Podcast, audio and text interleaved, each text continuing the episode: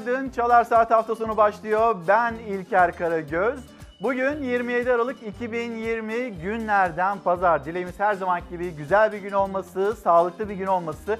Bugünkü başlığımız unutulmaz. Hem 2020 yılını düşündük, unutulmaz bir yılı geride bırakıyoruz ve bu yılda neler yaşadıklarımızın muhasebesini 2020 yılının son hafta sonunda birlikte yapalım istiyoruz.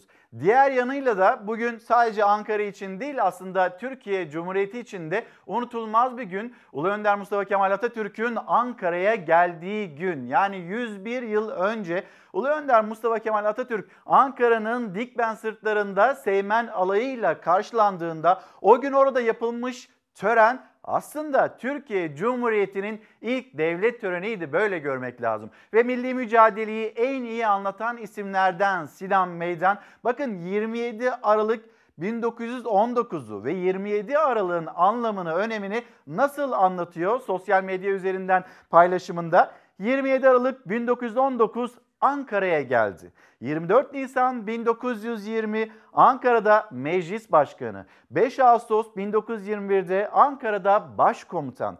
29 Ekim 1923'te Ankara'da Cumhurbaşkanı oldu. Ankara'yı kurtuluşun ve kuruluşun karargahı, Cumhuriyet'in kalbi yaptı. Mustafa Kemal Ankara'da Atatürk oldu. Sinan Meydan sosyal medya üzerinden bu tarihi yani 27 Aralık tarihini işte bu cümlelerle ifade etti. Kendisine de teşekkür ediyoruz ve bunun bilgisini anlatalım, paylaşalım. Hazırlıklarımız var, aktarmak istiyoruz.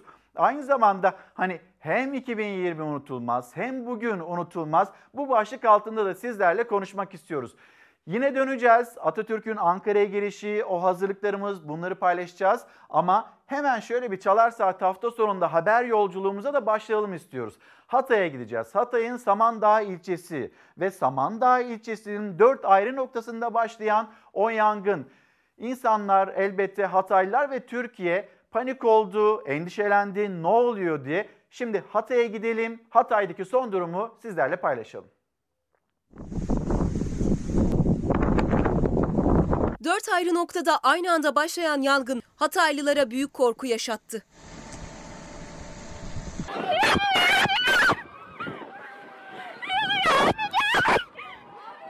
Ekim ayında eş zamanlı çıkan 20'ye yakın yangın günlerce sürmüş ormanları kül etmişti. Evler, iş yerleri kullanılamaz hale gelmişti.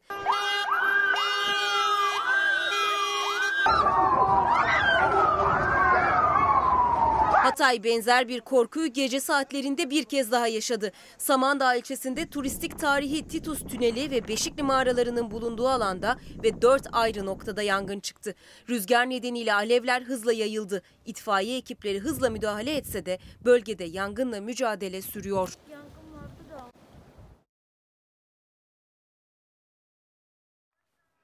Efendim unutulmaz başlığımız bu başlık altında sizlerden mesajlar geliyor. Türkiye'nin ya da dünyanın neresinden bizleri izliyorsanız herkese selamlarımızı iletelim. 2020 yılının son hafta sonundan selamlarımızı iletelim. Hızlı bir şekilde gazeteleri göstereyim sonrasında zaten detaylandıracağız ve birazdan da Deniz abi Sözcü Gazetesi yazarı Deniz Zeyrek'le gündeme bir bakış atacağız. Siyaset, siyasetin konuştukları ve yine hani vatandaş, vatandaş e, çerçevesinde olup bitenler nasıl değerlendirilir getiriliyor. Bunları konuşacağız. Bir Milliyet gazetesi sonrasında seçmiş olduğumuz diğer gazeteler manşetlerini hızlı bir şekilde göstereyim sizlere.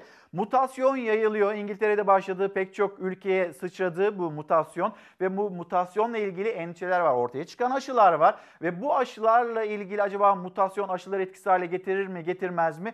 Bununla ilgili de e, bir Türk bilim insanı Uğur Şahin'in açıklaması var. Aktaracağız bu haberle birlikte. Çin aşısı oldum. Sonuç çok iyi. Akdeniz Üniversitesi Rektörü e, Özlenen Özkan Çin aşısının olduğunu anlatıyor. Aşı sonrası yaşadıklarını, bir yan etkisi var mı yok mu bunları paylaşıyor Hürriyet gazetesinde. Yine Akşam gazetesi vatanın kalbinde Rum terör örgütü EKO'nun Kıbrıs'ta 1974'te katlettiği ve toplum mezarlara gömülen 14 çocuk Ay Yıldız'ın altında son kez ebediyete uğurlandı. Bu haber, bu dramatik haberi de yine aktaracağız. Bu fotoğraflar da abartılı geldi mi? Bir gün gazetesinin manşeti. Asgari ücretle ilgili bilgiyi Zaten hani aralığın başında başlamıştı görüşmeleri. Yarın saat 10.30'da Çalışma Bakanı kameraların karşısına geçecek. 2021 yılının asgari ücreti acaba kaç olacak? CHP'li belediyelerde mesela Ankara Büyükşehir Belediyesi 3100 liranın altında olmayacak dedi. Adana'dan duyduk, bazı ilçe belediyelerinden duyduk. Mersin Mezitli Belediyesi en düşük maaşı 3650 lira olarak işaretledi. Peki acaba hani hükümet, işveren, işçiler o masaya oturdu. TÜİK'in de açıkladığı bir 2792 liralık bir e, rakam var ortada. Asgari ücret ne olacak bu soruyu da soralım. Bu yılın unutulmazlar arasında neler varsa onları da paylaşın bizlerle. Sözcü gazetesi iki camiye bir okul verdi, borçlarını sildirdi. Acaba kimdir bu isim? Karar gazetesi bari bunu savunmayın Hamza Yerlikaya'nın lise diploması ve bu diploma üzerinden tartışmalar devam ediyor lise diplomasının mahkeme kararıyla doğru olmadığı, sahte olduğu bilgisi var. Muhalefet bunu ortaya koyuyor ama iktidar cephesine ya da AK Parti cephesine baktığımızda e ondan sonraki 5 diplomayı ne yapacağız? E, diyor iktidar cephesi de. Şimdi lise diploması sahte ise eğer sonraki diplomaların gerçek olma ihtimali ya da geçerli olma ihtimali var mı yok mu? Yine konuşacağımız konular arasında olsun. Hemen şimdi yönetmenimiz Hilal'den de bir rica edeyim. İstanbul'u görebiliyorsak Fox TV'nin penceresinden şöyle bir İstanbul'a bakalım. Zeytinburnu sahilinden İstanbul nasıl gözüküyor? Ve İstanbul'da yeni bir gün başlıyor. Bugün hava sıcaklığının 16 derece dolaylarında olacağını sizlere aktaralım. Hemen arkamdaki ekranda da Ankara'yı görüyorsunuz. Ankara'da da hava sıcaklığının yine 14 derece dolaylarında olacağını, bulutlu bir gün olacağını söyleyelim. Aralık ayında aslında hiç de alışık olmadığımız bir havayla karşı karşıyayız memleketin pek çok yerinde. Bugün sokağa çıkma kısıtlamaları var. Hatırlatmasını yapalım 50 56 saatlik sokağa çıkma kısıtlamalarının son günündeyiz ve yine her şeye rağmen sokağa çıkanlar var. Hatta akşam gazetesinde ilginç bir haber var. Onu da sizlerle paylaşacağız. Hem hatırlatmış olalım sokağa çıkmak yasak hem de bir memleket havası. Doğuda kar hem güzelliği hem çilesiyle etkisini sürdürüyor. Bir yanda muhteşem manzaralar, diğer yanda kapanan köy yolları. Kars'taki Karakurt HES barajında oluşan buharlaşma işte böyle görüntüler çıkardı ortaya. Van, Hakkari ve Bitlis'te ise kar ve tipi nedeniyle 31 yerleşim yerine ulaşım sağlanamıyor. Hakkari Yüksekova'da hava sıcaklığı gece eksi 20 dereceye düştü. İlçe buz keserken çatılardan sarkan buzlar yarım metreyi buldu. Batıdaysa yağmur ve fırtına var. Marmara'nın batısı, kıyı Ege ile Manisa çevrelerinin sağanak yağışlı, diğer yerlerin parçalı ve az bulutlu geçeceği tahmin ediliyor. Çanakkale'de olumsuz hava koşulları nedeniyle Gökçeada ve Bozcaada'ya yapılması planlanan tüm feribot seferleri iptal edildi. Meteoroloji Genel Müdürlüğü Ege bölgesinde fırtına ve hızı saatte 70 kilometreyi bulacak kuvvetli rüzgar uyarısında bulundu. İç ve doğu kesimlerde ise sis ve pus olayıyla birlikte buzlanma ve don olayı bekleniyor. Meteoroloji havanın daha da soğuması beklenen günler için sıcaklık haberi verdi. Sıcaklık kuzey ve iç kesimlerde mevsim normallerinin 7 ila 10, diğer bölgelerde 3 ila 6 derece üzerine çıkacak. Sıcak havanın etkisi önümüzdeki hafta boyunca devam edecek. Salıya kadar sadece yurdun batısı yağış alacak. Diğer bölgeler haftayı güneşli geçirecek. Türkiye'nin ve dünyanın en sıcak başlığı koronavirüs gündemine geçeceğiz. Bir Sağlık Bakanı Fahrettin Koca sosyal medya üzerinden yapmış olduğu değerlendirme ve açıklama. Önce onu paylaşalım. Sonra dünün tablosunu aktaralım ve pazartesiden cumartesi gününe kadar kaybettiğimiz vatandaşların sayısının 1527 olduğunu da sizlere bir söylemiş olalım. Tespit edilen vaka sayısı, hastanelerde tedavi görenlerin sayısı 3002, vaka sayısı, aktif vaka sayısı ve hasta sayısı düşmeye devam ediyor. Yani tedbirlerin kendisini göstermeye başladığını söylüyor Sağlık Bakanı. Ağır hasta sayımızdaki düşüşte devam ediyor. Bu güzel haberleri sürekli hale getirecek olan aşılama programı etkisini gösterene kadar mücadeleye devam edelim. Evet Elimizde maske, mesafe, hijyen bu kurallar var. Onun dışında bir aşı var. O aşının gelmesini bekliyoruz. Yarın itibariyle Çin aşısı gelecek. Almanya ile anlaşmalar yapıldı. Almanya aşısı ile ilgili bir yan etki var mı yok mu? O aşının mucidi bilim insanı Uğur Şahin bununla ilgili değerlendirmelerde bulundu. Az sonra ekranlarınıza taşıyacağız. Tabloya dönüp baktığımızda yapılan test sayısında düşüş olduğunu söyleyelim. 178.872 test yapıldı dün ve 15.118 vakanın olduğunu bir kez daha söyleyelim. Hastanelerde tedavi görenlerin sayısı ise 3000'den biraz fazla. 253 kişi de hayatını kaybetti dün. Sevdiklerimize veda ettik. Neden? Çünkü işte bir takım kurallar var ve bu kurallara uymak zorunda olan ya da dikkatle riayet edenler var. Onlar uyuyorlar. Bir de ya ben bu kurallara uymuyorum, böyle bir hastalığa inanmıyorum ya da her şeye rağmen ama ne olacak bana bir şey olmaz diye düşünen ve sokağa çıkma kısıtlamasının olduğu günlerde bile dışarıya çıkanlar var. Yani bir pervasızlık var. Bunun hatırlatmasını yapmamız gerekiyor. Bütün bir yıl geride kalırken biz sevdiklerimize veda ederken unutulmaz arasında kuşkusuz bulunanlardan bir tanesi de bu başlık. Yani insanların umursamazlığı bu süreçte işte 65 yaş üstü onlar evlerinde büyük bir fedakarlıkla kaldı. Çocuklarımızı okula gönderemiyoruz. Çocuklarımızın ne kadar sıkıldığını hep birlikte yaşıyoruz. Tüm bunlar yaşanmamış gibi hayatına normal şekilde devam etmeye çalışanlar, hatta hala maske takmamakta ısrar edenler var. Onlar da unutulmazlar arasında olacak. Ve yine Sağlık Bakanı Fahrettin Koca'nın mutasyonla ilgili bir açıklaması var. Onu da ekranlarınızda taşırız ama isterseniz bir düne gidelim. Dün sokaklar nasıldı, tablo nasıldı bir kez daha hatırlatalım.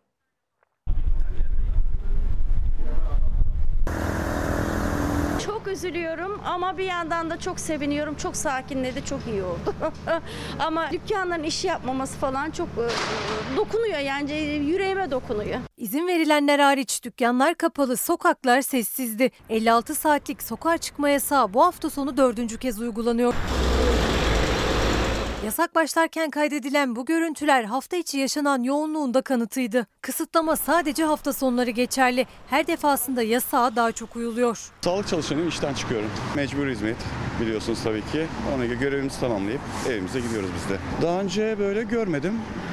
Ama yine de e, insanlar bu yasanın e, da biraz daha dikkat ediyor gibi geliyor bana. Ya hastaneye gidenler e, sok- dışarıda oluyor ya sağlık çalışanları ya da görevli esnaflar oluyor işte. İstanbul'un en kalabalık noktalarından birinde Beşiktaş'tayız. Normal günlerde insan yoğunluğunun çok fazla olduğu bu bölgede şimdi sadece kısıtlamadan muaf olan turistler, işe gitmek zorunda olanlar ve alışverişe çıkanlar var. İşten geliyorum. Kaygı sektöründe çalışıyorum. İşten dönüyorum. Yani sistem bu şekilde. Sistemi bu hale getirenler düşünsün. Başka bir şey söyleyemiyoruz yani. Yabancı ülke vatandaşıyız. Gezmeye geldik. Tabii ki e, İstanbul'un rutinini yaşayamıyoruz. Ancak e, tabii daha korunaklı olmuş oluyoruz. İngiltere'de görülen mutasyonun ardından yurt dışından gelenler için yeni tedbirler devrede. 28 Aralık'tan itibaren hava yoluyla 30 Aralık'tan sonra da karayoluyla gelen her yolcudan son 3 günde yaptırdığı koronavirüs testinin sonucu istenecek. Her yolcunun son 72 saat içinde yapılmış negatif PCR test sonucu ibraz etmesi zorunlu olacak. Aksi durumda ülkeye girişlerine izin verilmeyecektir. Testinin negatif olduğunu belgeleyemeyenler Türkiye'ye gelen uçaklara bindirilmeyecek. Karayolunda ise kontroller sınır kapılarında yapılacak. Test sonucu yoksa doğrudan adreslerinde karantinaya alınacaklar. Yeterli değil tabii ki. Daha e, tam kapansak minimum 3 hafta çok daha iyi olur. Küçük kısa kısa sokağa çıkma yasakları yeteri gelmiyor diye düşünüyorum ben. 56 saatlik kısıtlama pazartesi sabaha karşı 5'te sona erecek. Yılbaşı gecesini kapsayacak şekilde 31 Aralık Perşembe akşamı 21'de yeniden başlayacak. Bu kez 80 saat sürecek. Özellikle ev partilerine geçit verilmeyecek. Başta İçişleri Bakanlığımız olmak üzere istihbaratımız her türlü tedbir alarak bu işlerin üzerine gidecek. Efendim şimdi e, Kadriye Hanım göndermiş. Bizler 65 yaş üstü olanlar biz daha fazla dikkat ediyoruz. Kendimizi korumak için, ailemizi, toplumumuzu korumak için ama evet haklısınız demekte. Çünkü yani bir yandan da dikkat etmeyenler var. Az sonra memleketten manzaralar getireceğiz ekranlarınıza. Ama şunu söylemek gerekiyor. Biz pazartesiden cumartesi gününe kadar tekrar hatırlatalım. 1527 vatandaşımızı, sevdiğimizi, büyüğümüzü, annemizi, babamızı, dedemizi sonsuzluğa uğurladık. 2020 yılı maalesef bu kayıplarla geçti. Çok sayıda insanımız hayatını kaybetti bu virüs nedeniyle. Ve yine mesela e, Süreyya Üzmez, Süreyya abi e, hafta sonlarında da Benden Söylemesi programında görüyorsunuz kendisini. O da böyle sevgi üzerine, başarı üzerine, zenginlik üzerine bir yazı kaleme aldı ve o yazıda da aynı zamanda hiç unutmayacaklarımız dedi. 2020 yılını Süreyya abi bakın nasıl uğurladı. Mesela Pınar Köksal, Ayhan Sümer, Bekir Coşkun, Ali Bozer, Ateş Amiklioğlu, Ali Şener ve Biricik Tonti'miz o da kendi çerçevesinden, kendi penceresinden 2020 yılının nasıl geçtiğini ve kimlerle vedalaştığını, hangi sevdikleriyle vedalaştığını bunu yazdı, bunu paylaştı. Hakikaten unutulmaz bir yıl yaşadık.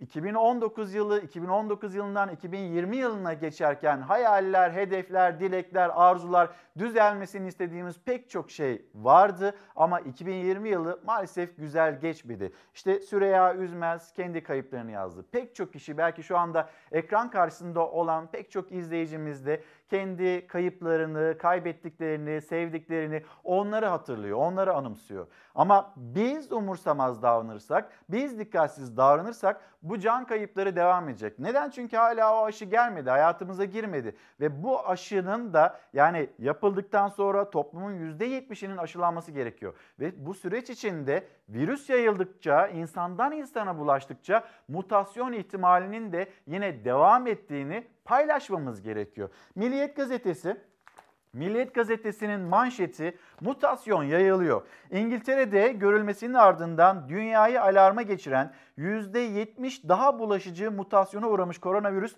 diğer ülkelere sıçradı. İngiltere'de tespit edilen bu virüs daha e, bulaşıcı yeni koronavirüs türü dünyaya yayılıyor. Fransa'da 19 Aralık'ta İngiltere'nin başkenti Londra'dan dönen bir kişinin söz konusu mutasyonlu virüs türüne yakalandığı tespit edildi. Japonya'da İngiltere'den ülkelerine dönen 5 kişide yeni koronavirüs türüne rastlandı. İsveç'te de bir vaka görüldü. Yani dünya genelinde yayıldığını görürüz. Peki Türkiye'de durum ne diye soracak olursanız bu konuyla ilgili Sağlık Bakanı Fahrettin Koca'nın yapmış olduğu açıklama ne son dönemde yurda ilgili ülkelerden giriş yapan PCR pozitif vakalarından alınan numunelerde ne de yurdun çeşitli bölgelerinden toplanan örneklerde İngiltere'nin rapor ettiği gen mutasyonuna rastlanmamıştır. Düzenli incelerimiz, incelemelerimiz devam ediyor. Laboratuvarlarımız var. Bizler de işte yurt dışından gelenler bu e, gelenlerle ilgili incelemelerimizi yapıyoruz e, diyor Sağlık Bakanı.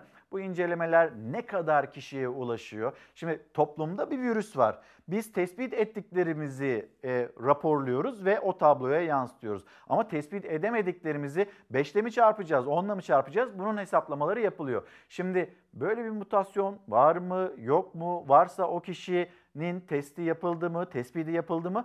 En azından hani Sağlık Bakanı'nın dün itibariyle kurmuş olduğu cümle mutasyon bizim ülkemize henüz gelmedi cümlesi şu an için içimizi ferahlatıyor. Ama bunun tam tespitinin yapılabilmesi için daha yaygın bir test sistemine de geçilmesi gerekiyor. Şimdi memleketten manzaralar demiştik size. Şöyle bir memleket turu yapalım. Ve bu virüsle ilgili mücadele sürecinde kısıtlamalara geçtik. Hafta sonu sokağa çıkma yasakları var. Bu yasaklara ne kadar uyuluyor, kimler uyuyor, kimler uymuyor bunun görüntüleri.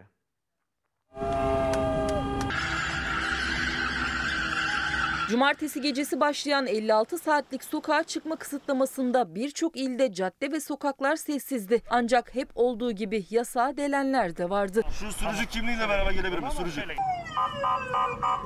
Bursa'da kısıtlamayı hiçe sayıp sokaklarda gezen gençlerle polis arasında kovalamaca yaşandı. İki genç yakalanarak gözaltına alındı. Antalya'da tüm koronavirüs uyarılarına rağmen maskesiz, mesafesiz asker eğlenceleri devam etti. Gençler kentin farklı noktalarında bir araya gelerek araçlarıyla boş sokaklarda drift yaptı. Bir grupsa otogar yakınında araçlarından inip müzik eşliğinde eğlendi.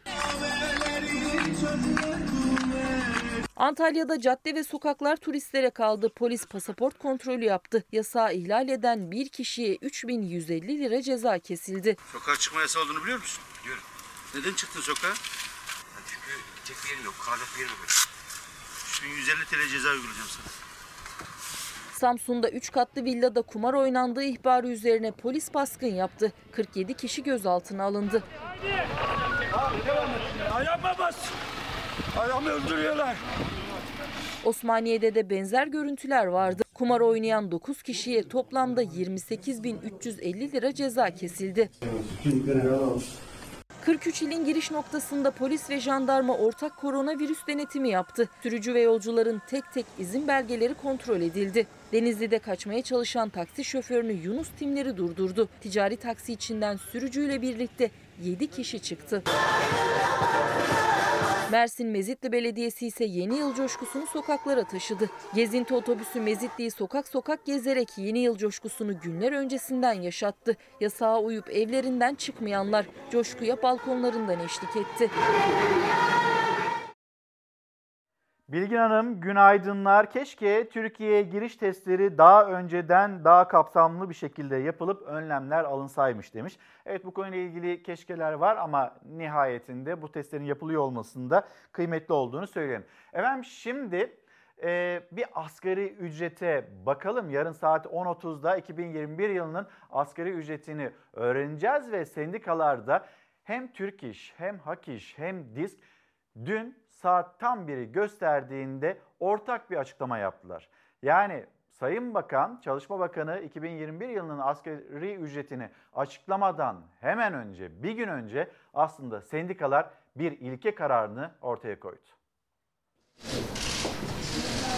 İnsanları tebessüm ettirecek, bizim de evet diyeceğimiz işverenlerle hükümetin önümüze bir rakam getireceğini umut ediyoruz. 2021 yılı asgari ücreti pandeminin yarattığı gelir kaybı ve artan giderler dikkate alarak hesaplanmalı. Milyonların gözü asgari ücretin yeni yılda ne kadar olacağında. Üç İşçi Konfederasyonu birlikte masaya oturdu. Ortak bir bildiriye imza attı. Çalışma Bakanlığı ise karar toplantısının tarihini açıkladı. Son toplantı 28 Aralık pazartesi günü yapılacak. Asgari ücretin en az 3800 lira olması gerektiğini söylüyoruz. Kafamızdan geçen rakam var mı? Tabii ki var. İşte bu rakamı getirirlerse masada bunlarla beraber hareket ederiz. En çok üyeye sahip olduğu için işçi tarafını Türk İş temsil ediyor asgari ücret masasında ancak henüz rakam açıklamadı. Diskin talebi ise 3800 lira. Türk İş, Disk, Hak İş bir araya geldi. Kritik toplantı öncesi ortak açıklama yaptı. Asgari ücret işçilerin aileleriyle birlikte geçimini sağlayacak ücrettir. Pazarlık konusu edilmemelidir. Hükümet ve işveren asgari ücretle ilgili tekliflerini kamuoyuyla paylaşmalıdır. Hükümetin işverenin ya da işçi tarafını hangi rakamlarla masaya oturacağı net değil. Dördüncü ve son toplantı ise pazartesi günü. Yaklaşık 10 milyon işçi saatini 10.30'a kurdu. Toplantıdan çıkacak sonucu bekliyor.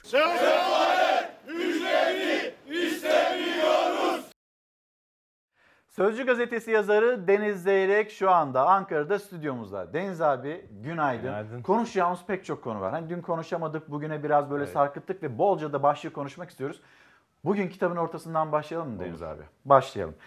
Gazete pencereyi hemen ben Hilal'den rica edeyim. Kapatma hükümeti. Olay TV'nin hükümet baskısıyla kapatılmasına tepki gösteren Gelecek Partisi Genel Başkanı Ahmet Davutoğlu bu hükümete kapatma hükümeti adı verilebilir dedi. Katıldığı bir televizyon programında konuştu. Şimdi Olay TV 26 gün yayında kaldı. Deniz abi. Evet. Ve o 26 günlük yayın hayatı, orada çalışan arkadaşlarımız var. 180 gazeteci, o 180 gazeteci gazetecilik yapmak için oradaydı ve bu arkadaşlarımız şu anda işsizler. Belki hani başka bir platformla yeniden yayın hayatlarına devam edebilecekler diye umuyoruz, ümit ediyoruz. Ama karşı İnşallah. karşıya kaldıkları durum bugün gazete pencerede bulunuyor, yine Karar Gazetesi'nde bulunuyor. Ya bu Türkiye'ye yakışıyor mu? Yakışmaz. Anayasada duruyor. Anayasadaki o madde basın hürdür, sansür edilemez. 28. madde. Sansür edilemez ama yasaklanabilir diye de hani o anayasa ama fakat lakin diye devam ediyor ya bir aması var ve sonrasında karşımıza maalesef Evet. bu tablo çıkıyor. Kitabın ortasından başlayalım dedik. Tablo bu. Evet. Ya bir kere bunun müsebbibi Cavit Çağlar. Başta onu söyleyeyim. Yani hükümet tabii ki etkili. Ee, bir iş adamı yani televizyon kuruyor. Var televizyonu zaten. Onu başka bir ortak buluyor. Onunla birlikte yeniden canlandırmak istiyor. Biliyorsun NTV'de Cavit Çağlar kurmuştu. O zaman Nergis TV'si vardı. NTV oldu. İşte sonra Doğuş aldı vesaire. Büyüdü. Ee, burada da böyle bir hedefleri vardı. Fakat işte HDP'nin e, grup toplantısını canlı verdiler. Kıyamet koptu. Vay siz nasıl bunu yaparsınız? HDP grup toplantısı nerede yapılıyor İlker? Türkiye Büyük Millet Meclisi. Çatısı altında değil mi? Mecliste Evet. canlı yayınlanıyor. Evet. Nereden- Meclis TV tarafından. Nereden aktarılıyor? Meclis TV'den. Meclis TV'den aktarılıyor. Yani böyle bir çarpıklık olur mu? Siz Türkiye Büyük Millet Meclisi'nin içinde 6 milyon oyla seçilmiş bir parti var. Onun grup toplantısı var. Tayyip Erdoğan'ın grup toplantısını nasıl başından sonuna can- canlı veriyorsun? Meral Akşener'i işte az veriyorsun. Kemal Kılıçdaroğlu'nu çok veriyorsun. Ee, Bahçeli'yi tam veriyorsun. Ee, HDP'yi verince vay kıyamet koptu. Nasıl yaparsınız bunu diye. Baskı üstüne baskı, baskı üstüne baskı. Tabii e, Cavit Çağlar da bir iş adamı olarak geçmişte bazı sıkıntılar yaşamış. TMSF ile vesaire falan. E, Dolayısıyla da şimdi sorsan der ki ya ben milliyetçi bir adamım işte devletimle hep barışıyorum vesaire falan de, der. E, oraya bağlar. Halbuki e, bence ba- baskı başka bir yerden korkuttu. Ve dolayısıyla da böyle bir karar aldı. İnşallah başka bir frekans bulurlar. O frekans üzerinden devam ederler.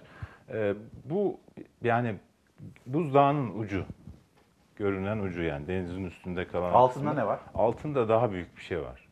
Yani muhabirlere tehditler, akreditasyon iptal ederim, işte şunu yaparım, bunu yaparım.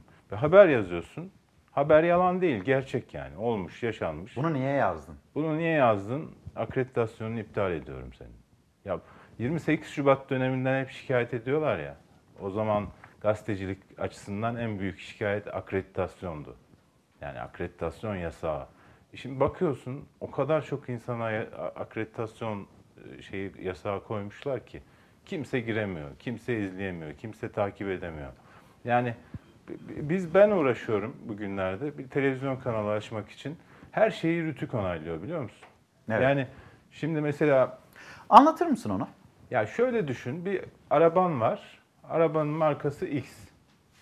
Sıkıldın Y markasını alacaksın. Ee, Rütük diyor ki hayır buna ben karar veririm diyor. Yani bir kanalın var logosu X. O logoyu Y ile değiştirmek istiyorsun. Yani bu kadar basit. Engellenmesi için iki tane şey lazım. Biri o senin getirmek istediğin logo patentli bir şekilde başka birine aittir. Der ki e, bunu Telifi varsa Başka- telifini ha, ödersin. başkasınındır Başka bir şekilde der. ya da başka bir İkincisi logoyla de devam et dersin ki ya bu terör örgütünün sembolünü çağrıştırıyor. İşte eskiden vardı ya sarı kırmızı yeşil renkler var vesaire falan diye. Böyle bir gerekçeyle reddedersin. Onun dışında reddetme şansın yok yani. Çünkü şirket özel girişim yani kendi logosunu istediği gibi yapar. Ne kadar süredir kurmaya çalışıyorsunuz? Bir yılı buldu neredeyse. Bir yılı. Tabii. Bir yıldır sonra mesela, olmuyor. Sonra mesela dijital platformlar var ya mesela. Evet. Bir dijital platforma gireceksin. Atıyorum 55. kanalı alacaksın orada sen olacaksın artık.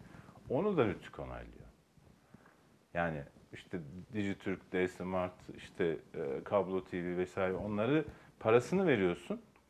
Kanal alıyorsun ama Rütük onaylamadan giremiyorsun oraya. Başka bir şey daha var. Mesela yayın kaliten SD. Onu HD yapacaksın. Daha çözünürlüğü yüksek bir şey. Onu da Rütük onaylıyor. Yani bir e, basınla ilgili televizyon vesaire falan kurduğun zaman bir sürü şeyde gidiyorsun onay alıyorsun. Ve e, gerçekten şey gibi yani bu bir girişim mesele, girişimcilik meselesidir. Siyasetin ötesinde. Bir de istihdam meselesi. Demin söyledi işte onu kastediyorum. Demin söyledin ya. Yani 180 kişinin istihdamı, 180 ailenin düşün 180 ailenin etkilendiği bir şey. İnsanların işiyle, aşıyla oynamak lazım. Yani İşini bu... bırakıp gelen var gazetecilik tabii, tabii, yapmak için. Şehir değiştiren var. Tabii. Orada yani daha iyi bir hedef ortaya kendisi adına kişisel gelişimi, kariyer yani, adına hedef koyanlar kul var. hakkı diyorlar 26 ya. günde hani İlker kul hakkı diyorlar ya. İşte budur. Kul hakkı yemek budur işte. Yani bir bir düşün genç bir gazeteci meslektaşımız yeni doğum yapmış, küçük çocuğu var. Orada iş buluyor o çocuğu için çalışacak orada ve e, işini böyle bir nedenden dolayı kaybediyor. Kendisinden dolayı değil, patronundan dolayı değil, editöründen dolayı değil, böyle bir nedenle kaybediyor. Ya da diyelim ben Ankara'da işte 15-20 kişi istihdam edeceğim. E, yeni kurulacak televizyonda. 15-20 kişi bekliyor. Onlar bekliyor. Sen yani bekliyorsun. 15-20 aile demek bu. Yani para yatırım yapıyorsun, para harcıyorsun, vergi ödüyorsun. Yani ekonomiye bir katkıda bulunuyorsun. Onlar da yok. Yani e, insanların aşına, işine göz koymak bu yani bu seviyede yapmak bu işi çok üzücü. Çok ben ben gerçekten e, o görüntüyü, o veda kapanma sahnesini izleyince hem mesleki açıdan çok e, üzüldüm. Hem oradaki arkadaşlarımız açısından çok üzüldüm. Ya yeni bir hayat yani bir, bir şeyi sıfırlıyorsun, yeniden bir profesyonel hayat kurmak zorunda kalıyorsun. Ee, üzücü bir şey.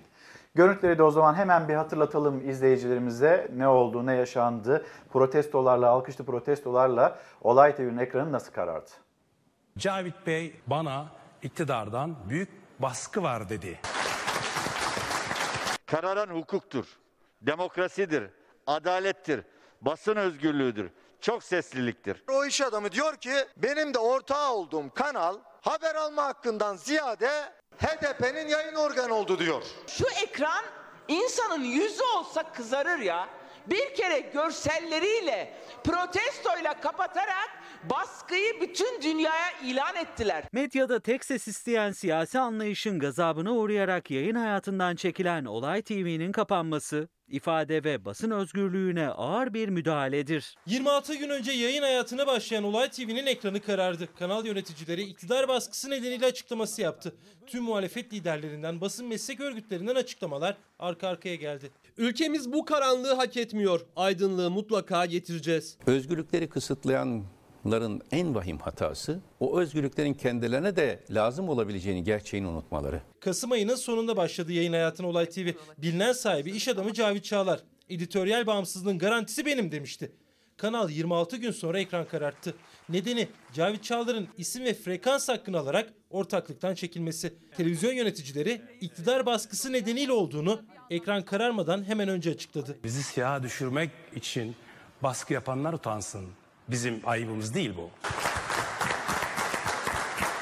Türk milleti her zaman demokrasisine el uzatanların bileğini bükmeyi bilmiştir. Olay TV'yi kapatarak demokrasimize el uzatanlar bu gerçeği akıllarından çıkarmasın. Tarafsız yayın yapacağız diye çıktığımız yolda HDP yayınlarına ağırlık verilmesi beni rahatsız etti. Kadroya yeni arkadaşlar katalım teklifim kabul edilmedi. Kanaldan ayrıldım. Bir de baktım ki HDP'nin yayın organı olmuş diyor. 180 basın emekçisine geçim kaynağı olup ailelerine ekmek götürdüğü bir kanalı karartmak hukuk ve demokrasi ile bağdaşmadığı gibi vicdanların da kabul edemeyeceği bir durumdur. AK Parti kanal iktidar baskısıyla kapanmadı söylemini Cavit Çağlar'ın açıklamasına dayandırdı. Muhalefet de kanal yöneticileri de iktidar baskısı diyor. 26 gün önce yayın hayatına başlayan televizyon kanalında çalışan 180 kişi yeni bir oluşumla yeniden haber yapmayı ümit ediyor. Efendim şimdi bir mola vereceğiz. Hızlı bir şekilde döneceğiz. Efendim bir kez daha günaydın. Çalar Saat hafta sonu devam ediyor. Bir son dakika bilgisi var onu paylaşmak istiyoruz sizlerle. Sözcü gazetesi yazarı Deniz Zeyrek'le sohbetimize devam etmeden önce e, Milli Savunma Bakanlığı'ndan yapılmış olan bir açıklama Şemdinli, Hakkari Şemdinli üst bölgesinde kapalı yolu açma çalışması sırasında çığ düştü. İki personel çığ altında kaldı dedi Milli Savunma Bakanlığı ve bu e, çalışmaların sonrasında çığ altından çıkartılan bir personel hastanede şehit oldu. Diğer çığ altındaki personeli arama kurtarma çalışmalarının devam ettiği bilgisini verdi Milli Savunma Bakanlığı. Bizim de gözümüz kulağımız şu anda oradaki arama kurtarma çalışmalarında. Tekrar söyleyelim. Hakkari Şemdinli üst bölgesi kapalı yolu açma çalışmaları sırasında çığ düştü. İki personel çığ altında kaldı ve o çığ altından çıkartılan personelden bir tanesi hızlı bir şekilde hastaneye sevk edildi ama tüm müdahalelere rağmen kurtarılamadı ve şehit oldu. Diğer personeli arama kurtarma çalışmaları devam ediyor. Deniz abi sohbetimize devam edeceğiz. Bugün önemli bir gün 27 Aralık. Ulu Önder Mustafa Kemal Atatürk'ün Ankara'ya gelişinin 101. yılı. Hatta bununla ilgili hem bizim hazırlığımız var hem de Ankara Büyükşehir Belediyesi'nin hazırlıkları var. E, ilerleyen dakikalarda onu da paylaşacağız sizlerle. Ama yine kurtuluş mücadelesini veren çok önemli bir komutan, bir isim İsmet İnönü. Kendisinin de ölüm yıl dönümüydü bu hafta. Biz de saygıyla anmak isteriz ama kendisinin ismi üzerinden yani İsmet İnönü'nün ismi üzerinden siyasette de bir tartışma devam ediyor. Bunu aktaralım. 25 Aralık tarihi Türkiye Cumhuriyeti'nin ikinci Cumhurbaşkanı Kurtuluş Savaşı Komutanı Lozan Kahramanı İsmet İnönü'nün vefatını yıl dönümü Cumhurbaşkanı Erdoğan ilk kez anma mesajı yayımlamadı. CHP'nin kafasında Kırkların faşist uygulamalarına geri dönüş gibi bir hesap varsa peşinen bunun yanlış olduğunu söylüyoruz. Cumhurbaşkanı Erdoğan her konuşmasında CHP'yi eleştirirken sözü tek parti dönemine getiriyor. İsim vermiyor ama İsmet İnönü'yü hedef alıyor. Demokrasiyi hala hazmedememiş olanların tek parti faşizminin özlemiyle yanıp tutuştukları anlaşılıyor. Bu sözlerinden iki gün sonra 25 Aralık İsmet İnönü'nün vefatının da 47. yılıydı. CHP lideri Kılıçdaroğlu eski genel başkanlarını mezar başında andı. Meral Akşener sosyal medya hesabından anma mesajı yayımladı. Mecliste de siyasi parti temsilcileri konuştu. Gazi Mustafa Kemal Atatürk'ün silah arkadaşı İsmet İnönü, birinci ve ikinci İnönü muharebelerinin kazanılmasında büyük katkı sağlamıştır, komutanlık yapmıştır. Rahmet ve minnetle anıyorum. Yanlışları, hataları olur. Milletin vermiş olduğu yetkiyle hizmet ediyorsa biz de gereken saygıyı göstermeliyiz. İsmet İnönü'yü bu vesileyle rahmet ve minnetle şükranla yad ediyorum. Kurmayları mecliste bu açıklamaları yaptı ama MHP lideri Bahçeli de Cumhurbaşkanı Erdoğan da Türkiye Cumhuriyeti'nin ikinci Cumhurbaşkanı Kurtuluş Savaşı ve Lozan kahramanı İsmet İnönü'yü anmadı. Cumhurbaşkanlığı görevine geldiği 2015 yılından bu yana her sene İsmet İnönü'yü anan Erdoğan ilk kez bu sene bir mesaj paylaşmadı. Avrupa İnsan Hakları Mahkemesi'nin Deniz abi Demirtaş'la ilgili vermiş olduğu karar siyaseten verilmiş olan karşı e, açıklamalar var. Acaba bir Cumhur İttifakı'nda HDP'nin kapatılması ile ilgili bir çatlak var mı yok mu? Bunun tartışması devam ediyor. Mecliste yılın son toplantısında yumruklar konuştu. Evet. Bunu konuşacağız. Hamza Yerlikaya'nın diploması yine bir başka konumuz ve başlığımız olacak. Ama İsmet İnönü, İsmet evet. İnönü'nün anması ile ilgili siyasetin konuştuğu, tartıştığı başlıkla istersen devam edelim. Ya İlker ben gerçekten bunu anlamıyorum ya. Bu, bu adamlar bu ülkeyi kurmak için savaşmış. Cephelerde savaşmışlar. Ee, böyle e, Mehmetçik kollarında ellerinde ölmüş. Ee, gerçekten çok zor günler geçirmişler vesaire. Ee, ve biz vefasızlık ediyoruz. Başka bir şey yok. Yani İsmet İnönü nefreti o kadar şey olmuş ki bu cenahta. Yani ben bilinçli olduğunu düşünüyorum. Yani unuttuk falan diyebilirler ama ben inanmıyorum. İsmet İnönü biliyorsun iki ay yaş vesaire falan gibi şeyler de söylediler.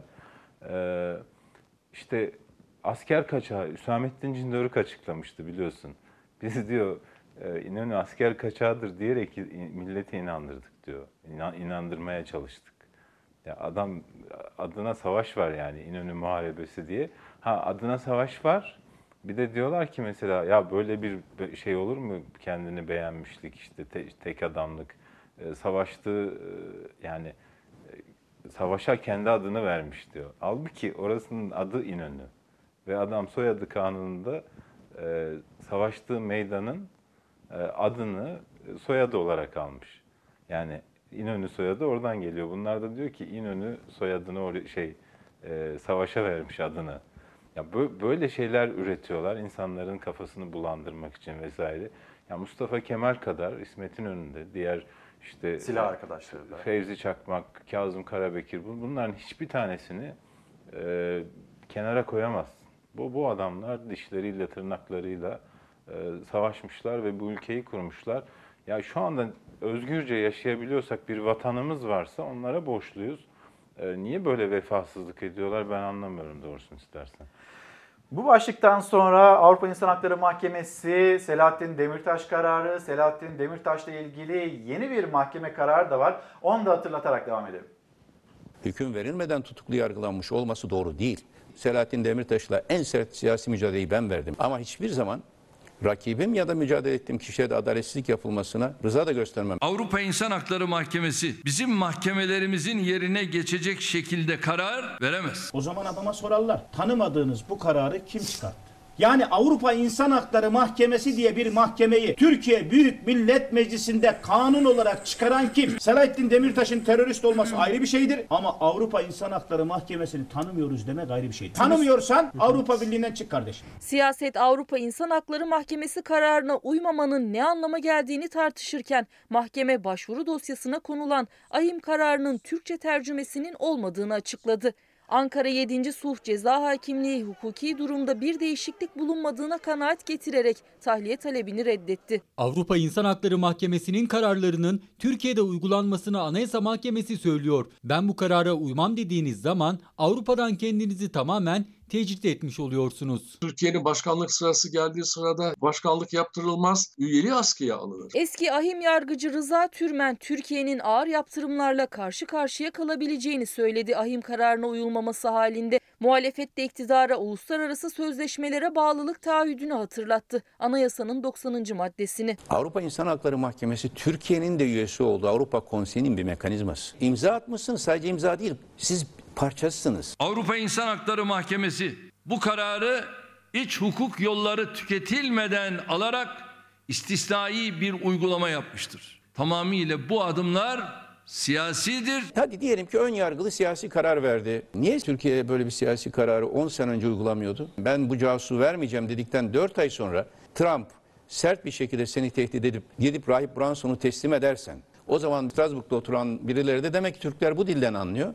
Sert bir karar alalım derler. Avrupa İnsan Hakları Mahkemesi'nin terörist Demirtaş'ın derhal serbest bırakılmasını dayatan en son kararını tanımıyoruz. Avrupa İnsan Hakları Mahkemesi kararını tanımayacağız diyorsanız Türkiye'de referandum yapın Türk milletine sorun ve Avrupa'ya deyin ki benim milletim istemedi. Davutoğlu TV5 Cemal Engin Yurt Kanal 42 televizyonunda konuştu. Muhalefet ahim kararına uyulmasının yasal ve anayasal zorunluluk olduğunun altını çizdi. Avukatları Avrupa İnsan Hakları Mahkemesi kararını gerekçe göstererek Demirtaş'ın tahliyesi için başvuruda bulundu.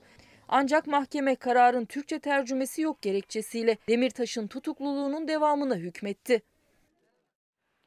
Ahim'in yapmış olduğu açıklama ve karşılığında bizim için yok hükmündedir yanıtları geldi. Şimdi hangi aşamadayız? Yasa olarak yok hükmünde değil. Yani şöyle bir kural var. Avrupa İnsan Hakları Sözleşmesi'nin imzacılarından biridir Türkiye. Avrupa İnsan Hakları Mahkemesi de bu sözleşme çerçevesinde tanıdığımız bir mahkeme. Anayasamızın 90. maddesi Avrupa'ya uyum çerçevesinde AK Parti zamanında değiştirildi ve e, uluslararası sözleşmeler, meclisin onayladığı uluslararası sözleşmeler iç hukukumuzun üstündedir diye bir şey kabul edildi. Yani bugün Avrupa İnsan Hakları Mahkemesi'nin e, bir kararı bizim yerel kararımızla çelişiyorsa onu bizim hukukumuzun üstünde tutuyoruz. Anayasamızın 90. maddesi gereğince. Bu bu kadar somut ve netken bunu tartışmaya gerek yok. E, yani gerçi Ama bir hukuk reformundan bahsediyoruz. O zaman bir şey biraz daha gelelim. Zaten biz Anayasa Mahkememizin kararını tam oraya geliyor. ki. Yani Ya de- demişti ya hani e, Cumhurbaşkanlığında Yüksek İstişare Kurulu üyesi Cemil Çiçek istediğinizi yazın. Tabii tabii. Anayasa Mahkemesi'nin kararını yerel mahkeme tanımıyor. Tabii. Yazsanız ne olacak? E, sorun o zaten. Yani AHİM'in kararıyla Anayasa Mahkemesi'nin kararı aslında eşdeğer. Uzun zamandır Anayasa Mahkemesi bireysel başvuru hakkı tanındığı için Anayasa Mahkemesi AİHM'in yerine geçti. Ve AİHM Anayasa Mahkemesi'nde görüşülmemiş bir dosyayı almıyor gündemine. E şimdi burada AYM de o konuda bir karar verdi. O da ciddiye alınmadı. Dolayısıyla AİHM'e taşındı.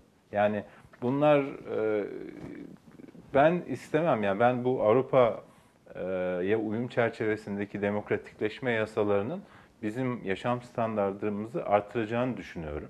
Oradan geri adım atılmasını istemem. Yani çıkıp da o zaman buna son verin Avrupa İnsan Hakları Sözleşmesi'nden imzanızı çekin falan demek çok tehlikeli. Ahim'den çekilelim vesaire demek çok tehlikeli. Çünkü Türkiye'nin demokrasi çıtasında önemli katkısı olan bir şey bu. Uluslararası sözleşmeler. Yani kafamızı kuma gömmemizin bir anlamı yok. Hukuk devletini hayata geçirirseniz orada da hiçbir sorununuz olmaz. Yani şöyle düşün, bir e, ceza var, çok yüksek bir ceza. Mesela bizim gazetecilerin eskiden gecikmiş alacakları için günlük yüzde beş faiz şey yapılırdı. E, bu Anayasa Mahkemesi'ne gitmişti. Anayasa Mahkemesi demişti ki ya bu bir ceza. O cezaya düşmeyin, bu faizle de karşılaşmayın. Ama aynı Anayasa Mahkemesi daha sonra görüş değiştirdi ve şey yaptı. Yani biz kendi hukukumuzu normal hukuk devleti sınırları içinde uyguladıktan sonra bunlara da muhatap olmayız diye düşünüyorum ben. E, yani böyle bir şeyimiz yok, gri noktamız yok. Ya siyah ya beyaz. Yani eleştirenlere de bakıyorum, çıkın diyorlar. Ya niye çıkalım? Yani 1949'da yanlış hatırlamıyorsam o tarihten beri yürürlükte olan tarafı olduğumuz bir insan hakları yani hak ve hukukumuzun neler olduğunu en azından o sözleşmede görüyoruz. Yaşam hakkı, özgürlük hakkı, örgütlenme hakkı. Ya bu standartları biz niye reddedelim ki? Devam edelim. Deniz abi bir başka başlık. Cumhur İttifakı'nda çatlak var mı yok mu? Haberimizi bir izleyelim. HDP başlığı üzerine haberimizi izleyelim. Değerlendirmesini yapalım. Teröristleri kucaklayıp Türkiye Büyük Millet Meclisi'ne gelen bölücülere tahammül edemiyoruz. Sayın Bahçeli ısrarla son bir hafta içerisinde HDP'ye bu kadar saldırıyorsa demek ki o da çözüm süreci olabileceğini Olacağını gördü öngördü. ki bunu engellemeye çalışıyor diye düşünmeye başladı. Peki AK Parti'den gelen HDP'nin kapatılmasına ilişkin mesafeli açıklamalar ve Bahçeli'nin ısrarı. Eski MHP'li Cemal Engin Cumhur İttifakı'nda ayrışma olduğunu söyledi. Bahçeli'nin yeni çözüm süreci endişesi taşıdığını. MHP ile AK Parti arasında bir kavga olduğunu düşünüyor. Parti kapatmaların Türkiye'de geçmişte çok e, olumlu sonuç vermediği görüldü. Biz HDP kapatılsın derken haklıyız, halkın tercümanıyız. MHP liderinin AK Parti kapatmak çözüm değil diyen Numan Kurtulmuş'a tepkisi sonrası AK Parti sözcüsü Ömer Çelik de konuştu. O da parti kapatma çağrısına mesafeli durdu. Sonrasında Bahçeli'nin açıklaması geldi. Halkın tercümanı izledi MHP lideri. Dünyada mesela farklı modeller de var. Bu tip terör örgütü propagandası yapanların hazine yardımını almasının engellenmesi gibi. Ortaya nasıl bir tavır koruyorlar? Onları yapalım. Ondan sonra Milliyetçi Hareket Partisi arkasında durduğu sözün de gereğini yapacak cesarettedir. Sayın Bahçeli HDP kapatılsın diyor ısrarla ama Numan Bey ile Evet. Ömer Çelik Bey diyor ki parti kapatmak doğru değildir. Her zaman olumlu sonuç vermez diyor. Şimdi bu durumda Ömer Çelik kendiliğinden mi konuştu bunu? Sayın Cumhurbaşkanı'nın haberi yok mu? MYK toplantısında Erdoğan'ın parti kapatmaya kapıyı kapattığına ilişkin haber AK Parti tarafından yalanlanmadı. Cumhur İttifakı'nda ayrışma yok dense de HDP konusundaki farklı söylem arka arkaya açıklamalara yansıdı. Bu birliktelik devam edeceğini zannetmiyorum. Cumhur İttifakı 2023'te tekrar iktidar olacak. Sayın Recep Tayyip Erdoğan da Cumhurbaşkanı seçilecektir. Cumhur İttifakı'nı yapay bir ittifak olarak görüyorum. Cumhur İttifakı'nın kalıcı olduğunu düşünmüyorum. CHP lideri Kılıçdaroğlu Cumhur İttifakı kalıcı değil diyor. Sistem eleştirisiyle birlikte erken seçim çağrısını da sürdürüyor. Erken seçimi Türkiye'nin giderek ağırlaşan faturayı ödememesi için istiyorum. Bu sistem bu şekilde düzelmez. Düzelmesi için güçlerin ayrılması gerekiyor. Seçimler zamanında yapılacaktır. Erdoğan'ın erken seçim istemesi için kendi seçileceğini garanti olarak görmesi lazım. İktidarına süreklilik sağlamak için kendisini Bahçeli'ye tabi görüyor. Allah kimseyi Erdoğan'ın durumuna düşürmesin. İttifak, sistem ve erken seçim tartışmaları siyasetin gündeminden düşmüyor. İttifakta, Cumhur İttifakı'nda bir HDP çatlağı var mı yok mu Cumhur İttifakı'nın ilerleyişinde? Nasıl görüyorsun abi? Cumhur İttifakı'nda birçok çatlak var da birçoğu dışarıya yansımıyor tabii. Ama ben bununla biteceğini falan zannetmiyorum. Çünkü birbirlerine bağlı iki parti. Yani birbirle bu biyolojide simbiyotik hayat diyorlar. Yani biri olmadan diğeri olmuyor. Şu anda MHP çekilse AK Parti parlamentodaki çoğunluğunu kaybeder. Yasa dahi geçiremez. Cumhurbaşkanının e, yasama ayağı eksik kalır.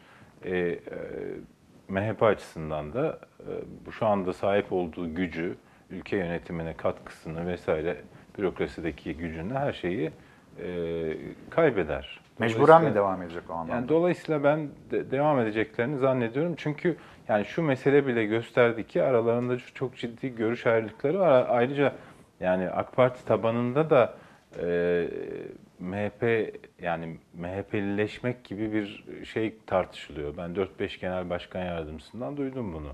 Yani MHP gibi mi oluyoruz? E, Cumhur İttifakı içindeki AK Parti MHP çizgisine mi kaydı gibi tartışmalar da yapıyorlar. Dolayısıyla şey ben daha önce de şunu söylemiştim. Yani MHP'nin şöyle bir e, katkısı oldu ülkemize. AK Parti'yi e, ümmetçilikten aldı, Turancılığa getirdi. Yani e, bu Arap ülkelerine biliyorsun eskiden şey yaparlardı. Şimdi Azerbaycan vesaire biraz daha böyle e, şey onların hepsi tartışılıyor orada. Bakma sen sadece HDP'de gün yüzüne çıktı ama e, tabanda e, çok çatlak var. Kurmaylar nezdinde de ciddi Tabii, tabii. çatlaklar Ama şey olmaz. Yani bitmez çünkü iki tarafta bu işten fayda görüyor. Deniz abi şimdi bir haber paylaşacağız. Ya bunun üzerinde ne söylesek boş aslında. İşte 2020 yılının son e, buluşması şu genel kurulunda e, yumruklaşma. Yani Türkiye Büyük Millet Meclisi'nde vatandaşın beklentisine milletvekillerinin e, savrulduğu ya da savurdukları İşte güreşçiler falan siyasete girip bankacı falan olunca siyasetçiler de güreşçi, boksör falan olmaya çalışıyor. Herkes, her şey değişiyor. Evet. o konuya da geleceğiz şimdi. Bu haberi bir paylaşalım. Bu ülkede, bu ülkede yok öyle Barbie. Türk askerine kelle deyip de sizi oraya yatırmaya değil deyip de Amerikan askerine sahip çıkan Recep Tayyip Erdoğan var. Bu ülkenin başında emanetine, iradesine, milletine sahip çıkan bir Recep Tayyip Erdoğan var. PKK ile yanlışı, Öcalan'la anlışı, valilere emir verip de askerimizin ölmesine neden olan hedefleri kalktıran Recep Tayyip Erdoğan'ı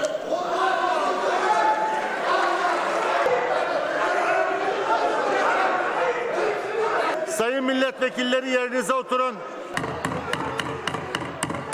Mecliste sözlü başlayan kavga yumruklaşmaya kadar uzandı. AK Partili vekiller CHP'lilerin üzerine yürüdü. Karşılıklı sert sözlerle başlayan Erdoğan tartışmasında yumruklar havada uçuştu. Sayın milletvekilleri, sayın milletvekilleri yerlerinize oturun lütfen.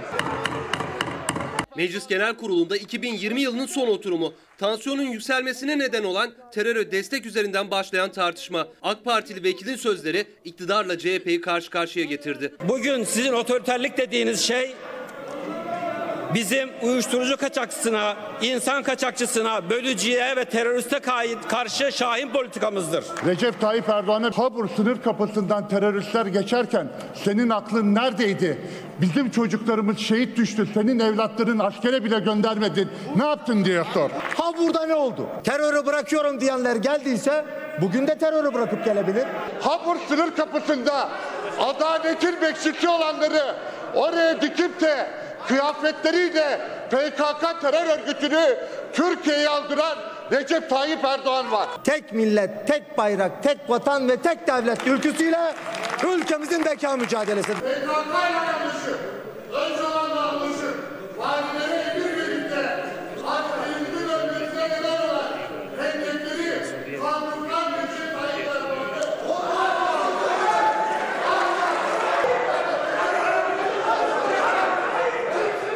Sayın milletvekilleri, birleşime 15 dakika ara veriyorum. Tansiyon öyle yükseldi ki önce AK Partililer ayağa kalktı, sonra CHP'liler ve yumruklar sıkıldı. Hürriyet gazetesinden Rıza Özel'in objektifine böyle yansıdı. AK Parti CHP kavgası. Yılın son oturumuna yumruklu kavga damga vurdu. Deniz abi iki gazete iki haber ve öznesi de Hamza Yerlikaya. Şimdi AK Parti sıralarından AK Parti cephesinden Hamza Yerlikaya ile gurur duyuyoruz e, cümlelerini duyduk. Biz de Hamza Yerlikaya'nın e, Türkiye'ye yaşattıklarıyla, şampiyonluklarıyla gurur duyuyoruz. Ama burada doğru olmayan şey Biz şampiyonluklar minder- değil ki minderde oradaki oldu demedik ki. Yani e, oradaki mesele diplomayla ilgili mesele. Hamza Yerlikaya'nın başarılarıyla, sporculuğuyla ilgili bir cümle kurulmuyor. Yani burada iş biraz böyle demagoji üzerinden devam Yo, ediyor. büyük işler yaptı. 17 yaşında e, yani yaşattıkları çok büyüktü. E biz de gurur duyuyoruz yani. yani. Naim Süleymanoğlu rahmetli neyse Hamza Yerlikaya da oydu minderde gerçekten. E yetiştirdikleri de var. Tabii tabii. Çabası yani da o var. konuda biz minderde tuş oldu demedik ki. Yani başka bir şeye tuş oldu maalesef. Karar Gazetesi'nin manşeti bari bunu savunmayın. Son olarak Vakıfbank Yönetim Kurulu'na atanmasıyla tartışma yaratan Hamza Yerlikaya'nın lise diplomasının sahte olduğu mahkemece tespit edilmişti. Tanımadığım kişiler hazırlayıp getirdi diye ifade veren milli güreşçi resmi belgede sahtecilik suçundan ceza almasına rağmen görevlerine devam ederken partisinin desteğini de kaybetmedi. AK Parti Grup Başkan Vekili meclis kürsüsünde Yerlikaya'ya sahip çıktı Cahit Özkan. Şimdi bir haber bu. O diploma gösteriyorlar ya. Hamza Yerlikaya'nın lise diploması. Evet. E, Zannediyorlar ki detaylar görünmüyor. O diploma 2004'te verilmiş ve açık lise diploması. 2004'te Hamza Yerlikaya 28 yaşında. Ya bir sorun insan bu insan niye 28 yaşında lise diploması almak zorunda kaldı? Ya bir sorun ya. Yani bu ben anlamıyorum. Bu milletin aklıyla dalga geçiyor bunlar. Hamza Hamza Yerlikaya'nın lise diploması var. Yalan söylüyorsunuz. Hayır kardeşim. Ben biz gazeteciydik 96'da 95'te. Ee, o gün köşe yazımda da yazdım. İmrahor Lisesi'ne büyük operasyonlar yapıldı. Müdürü göz şey oldu yani gözaltına alındılar. Ee, öğretmenlikten müdür de müdür yardımcısı da ihraç edildi. Sahte belge düzenledikleri için. Sahte diplomalar Diploma yüzünden. için. İmrahor Meslek Lisesi e, hatırla Kardemir 400 personel aldı. O oraya başvuranların içinde İmrahor Lisesi'nden sahte lise diploması alanlar vardı. Onlar iptal edildi, araştırma yapıldı vesaire. Meğerse ya bu- 2001 yılında polis operasyon yaptı mesela. Bir sürü insan, gö- 15 kişi gözaltına alındı. Bazıları tutuklandı. O listedeki isimlerden biri Hamza Yerlikaya'nın diploması. Yani o onlar da o şebeke tarafından verilmiş bir diploma. Ve Ama- 2001'de mahkum olmuş. Deniz abi şu, şu cümleyi de duyduk. Tamam hadi onunla ilgili problem var. Sonraki 5 diplomayı ne yapacağız? Ya biz onu tartışmıyoruz. Hayır onlar ki. geçerli değil ki. Lise Hayır, diploması tamam olmayınca da ayrıca. İşte sonra bu geçerli hale gelsin diye açık öğretimden Evet. 28 yaşında lise diploması alıyor. Oradan Süleyman Yolun başlangıcı nasıl Süleyman Demirel Üniversitesi'ne tekrar kayıt yaptırıyor. Oradan işte vesaire vesaire. Yani ya hakikaten şey mesela bu tren meselesi vardı ya. Kitabına uydurma gibi biraz. T- tren ya e, alt dördünde tören yaptılar. Geri Çerkezköy'e yük almaya gitti. Altısında 6 Aralık'ta saat 10'da gece Ankara'ya vardı tren. Şimdi diyorlar ki e, özür dileyin işte şey yapın hani bu tren Çin'e gitti. Ya kimse Çin'e gitmedi demedi ki. Hayır o gün de şunu söylemedim mi? Bu Gidecek. tren mutlaka tire- Çin'e gidecek. Gidecek. Ama bu töreni bugün niye yaptınız? Gideceği Tabii gün gideceği yapsaydınız. gün yapın. Evraklarını halledin, gümrük işlerini tamamlayın. Öyle yapın 90 dakika Marmara'yı kapatıyorsun bilmem ne yapıyorsun. Ama ne yapıyorlar? Bu işte propaganda böyle bir şey. Algı böyle bir şey. Yani biz sanki tren gitme, Çin'e gitmedi, rol yaptılar falan demişiz gibi. Özür dile, utanmıyor musun vesaire. Ya kardeşim dördünde yola çıkan tren altısında gece 10'da Ankara'ya nasıl gelir 54 saate? Yani en o en kötü zamanlarda 8 saate geliyordu ekspresler falan. Hatırlasana biz öğrenciliğimizde gider gelirdik Evet. şeye. E şimdi böyle bir şey yani. Gerçi Hamza- ben Ankara'dan Eskişehir'e bir 5 saatte gitmiştim de. Olsun 5 O saat işte 50 saat Ama değil 50 ama. saat değil yani. Yani Hamza Yerlikaya meselesi de öyle. Ya diploması var. E 2004'te 28 yaşında açık liseden alırsan var tabii. Ama 2001'de mahkum oldu mu? Oldu. 95'te sahte diploma aldı mı? Aldı. Bu kadar açık ve net. Neyini tartışacağız bunu? Bir haber daha Cumhuriyet Gazetesi'nin manşeti. Şeref aylığına soyadı yetti. 600 şampiyon sporcunun maaşı tırpanlandı. İtirazları reddedildi. Yerli Kaya'nın kardeşi hariç Cumhuriyet Gazetesi'nin manşet haberi, Mahmut Lıcalı'nın haberi. Dünya şampiyonu sporculara verilen şeref aylığı geçen yıl asgari ücret seviyesinden 900 liraya kadar düşürüldü. Bakanlık ve yargıya başvuran sporculara red kararı verildi. Sahte diploma skandalıyla gündeme gelen Cumhurbaşkanı danışmanı ve Bakan Yardımcısı Hamza Yerlikaya'nın kardeşi Muttalip Yerlikaya'nın talebi ise kabul edildi. Mahkeme kesintinin başvuru tarihinden işletilerek yasal faiziyle Yerlikaya'ya ödenmesine ve kaldırılmasına karar verdi. Diğer sporcular haksızlığa isyan etti. Dünya şampiyonu bir güreşçi kesinti için gerekçe gösterilmedi. Bununla geçiniyoruz. Hamza Yerlikaya'nın da dahil olduğu çifte standart zorumuza gitti. Şeref aylığına soyadı yetti. Şimdi bu haberi okudum. Yine Hamza Yerlikaya ile ilgili tartışma haberini de paylaşalım. Son cümlelerini alacağım Deniz abi. Buyurun. Hamza Yerlikaya bilerek, isteyerek evrakta sahtecilik suçunu işliyor. Yani sahtekarlık yapıyor. Eski milletvekilimiz, bakan yardımcımız ve Sayın Cumhurbaşkanımızın baş danışmanı Hamza Yerlikaya'nın burada lise diploması. Hakikaten neyi inkar ediyorlar anlamıyorum. Biz mahkeme kararı sunuyoruz. Varsa aksi sahte diplomayı göstermeyin bize. AK Parti Grup Başkan Vekili Cahit Özkan mahkemenin sahte dediği diplomayı gösterdi genel kurulda. Hamza Yerlikaya ise yeni açıklamasında sahte diplomaya karşı adli sicil kaydı istedi. Muhalefet Yerlikaya'ya mahkeme kararına yansıyan kendi ifadeleriyle yüklendi. Meclis kürsüsünde terörist için ağlayan vekilleriniz, hortumlanan belediyeleriniz, istismara uğrayan teşkilat mensuplarınız konuşulurken kimi ve neyi savundunuz? Hakikatle ispat ettiğimiz için mesele diploma değil farkındayız. Yüreğiniz var mı adli sicil kaydı açıklamaya? Mahkemede kendi beyanıyla diyor ki İmrahor Meslek Lisesi'nden bana ait bir diploma getirdi. Ben de o diplomayla Gazi Üniversitesi spor bölümüne kaydımı yaptırttım. Yani bu diplomanın sahte olduğunu işte burada mahkeme kağıdı. Halkın Kurtuluş Partisi ortaya çıkardı. Hamza Yerlikaya'nın lise diplomasının sahte olduğuna ilişkin mahkeme kararını. Suç duyurusunda da bulunuldu. Halkın Kurtuluş Partisi Yerlikaya evrakta sahtecilik yaptı diyerek milletvekili olduğu dönemde aldığı maaşların iadesi, milletvekilliği kazanımlarının ve ayrıcalıklarının iptali için meclise başvurdu. Bu açık öğretim lisesi diploması bitmemiş. Bu diplomayı almış, yüksek lisans eğitimini, öğretimini yapmış. Burada da başarıyla bu eğitimini tamamlamış. Hamza Yerlikaya bu diplomanın sahte olduğunu bile bile Gazi Üniversitesi'ne gitmiştir, kaydını yaptırmıştır. Bunun adı sahtekarlıktır. Ha, destanlar yazan çalışmaları sebebiyle açık öğretimden mezun. Nasıl? Avrupa'da olduğu gibi. Mahkeme kararıyla diplomaların sahte olduğu sabit. Sanırım bu kesinleşmiş kararı tartışmıyorlar. Evet, gurur duyuyoruz.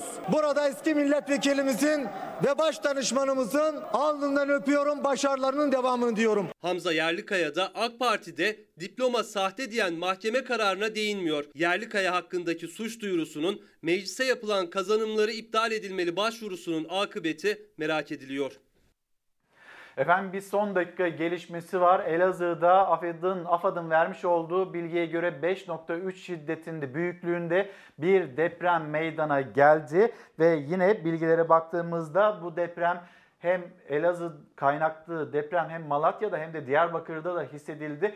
Geçmiş olsun diyoruz. 5.3 büyüklüğündeki deprem aslında e, küçük de bir deprem değil ve bu depremle ilgili gelecek olan yeni bilgileri dikkatle takip ediyor olacağız. Bir yandan Şemdin'den acı bir haber geldi, şehit haberi geldi. Diğer yandan Çalar Saat hafta sonunda işte Elazığ'da 5.3 büyüklüğünde bir depremin bilgisi geldi. Takipte olduğumuz konulardan bir tanesi ve yerin 1.5 kilometre derinliğinde Kavaktepe bölgesinde meydana geldiği e, depremin bilgisi var. De, Elazığ depremini dikkatli takip ediyoruz. Hatta orada bulunan vatandaşlarımız depremle ilgili bizlere de bilgilerini gönderebilirse, neler yaşadıklarını gönderebilirlerse ve etraflarıyla ilgili bilgiler de paylaşabilirlerse çok seviniriz. Elazığ'da 5.3 büyüklüğünde deprem meydana geldi.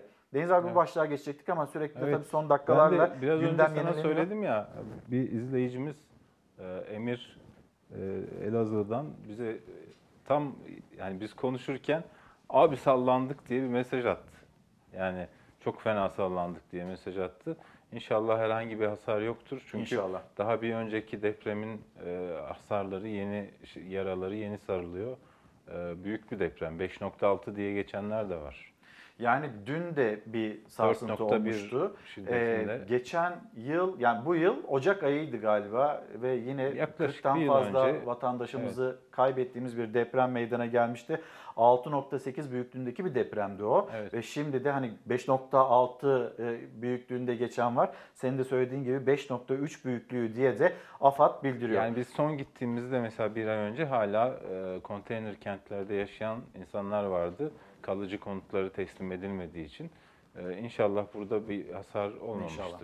Zor çünkü deprem koşullarında yaşamak.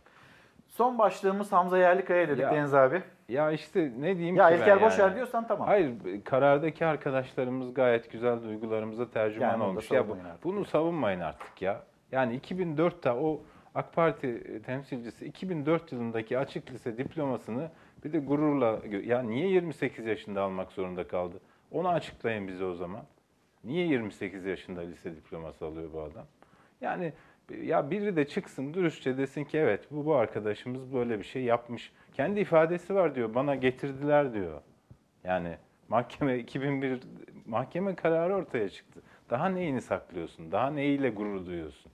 Biz minderde tuş oldu demiyoruz ki. Bu, bu hırslarına tuş oldu. Yani koltuk, para, makam bunlar iyi şeyler değil sporcu için. Atatürk ne demiş? Sporcunun ahlaklısını severim demiş. Bu kadar. Deniz abi çok teşekkür ederim.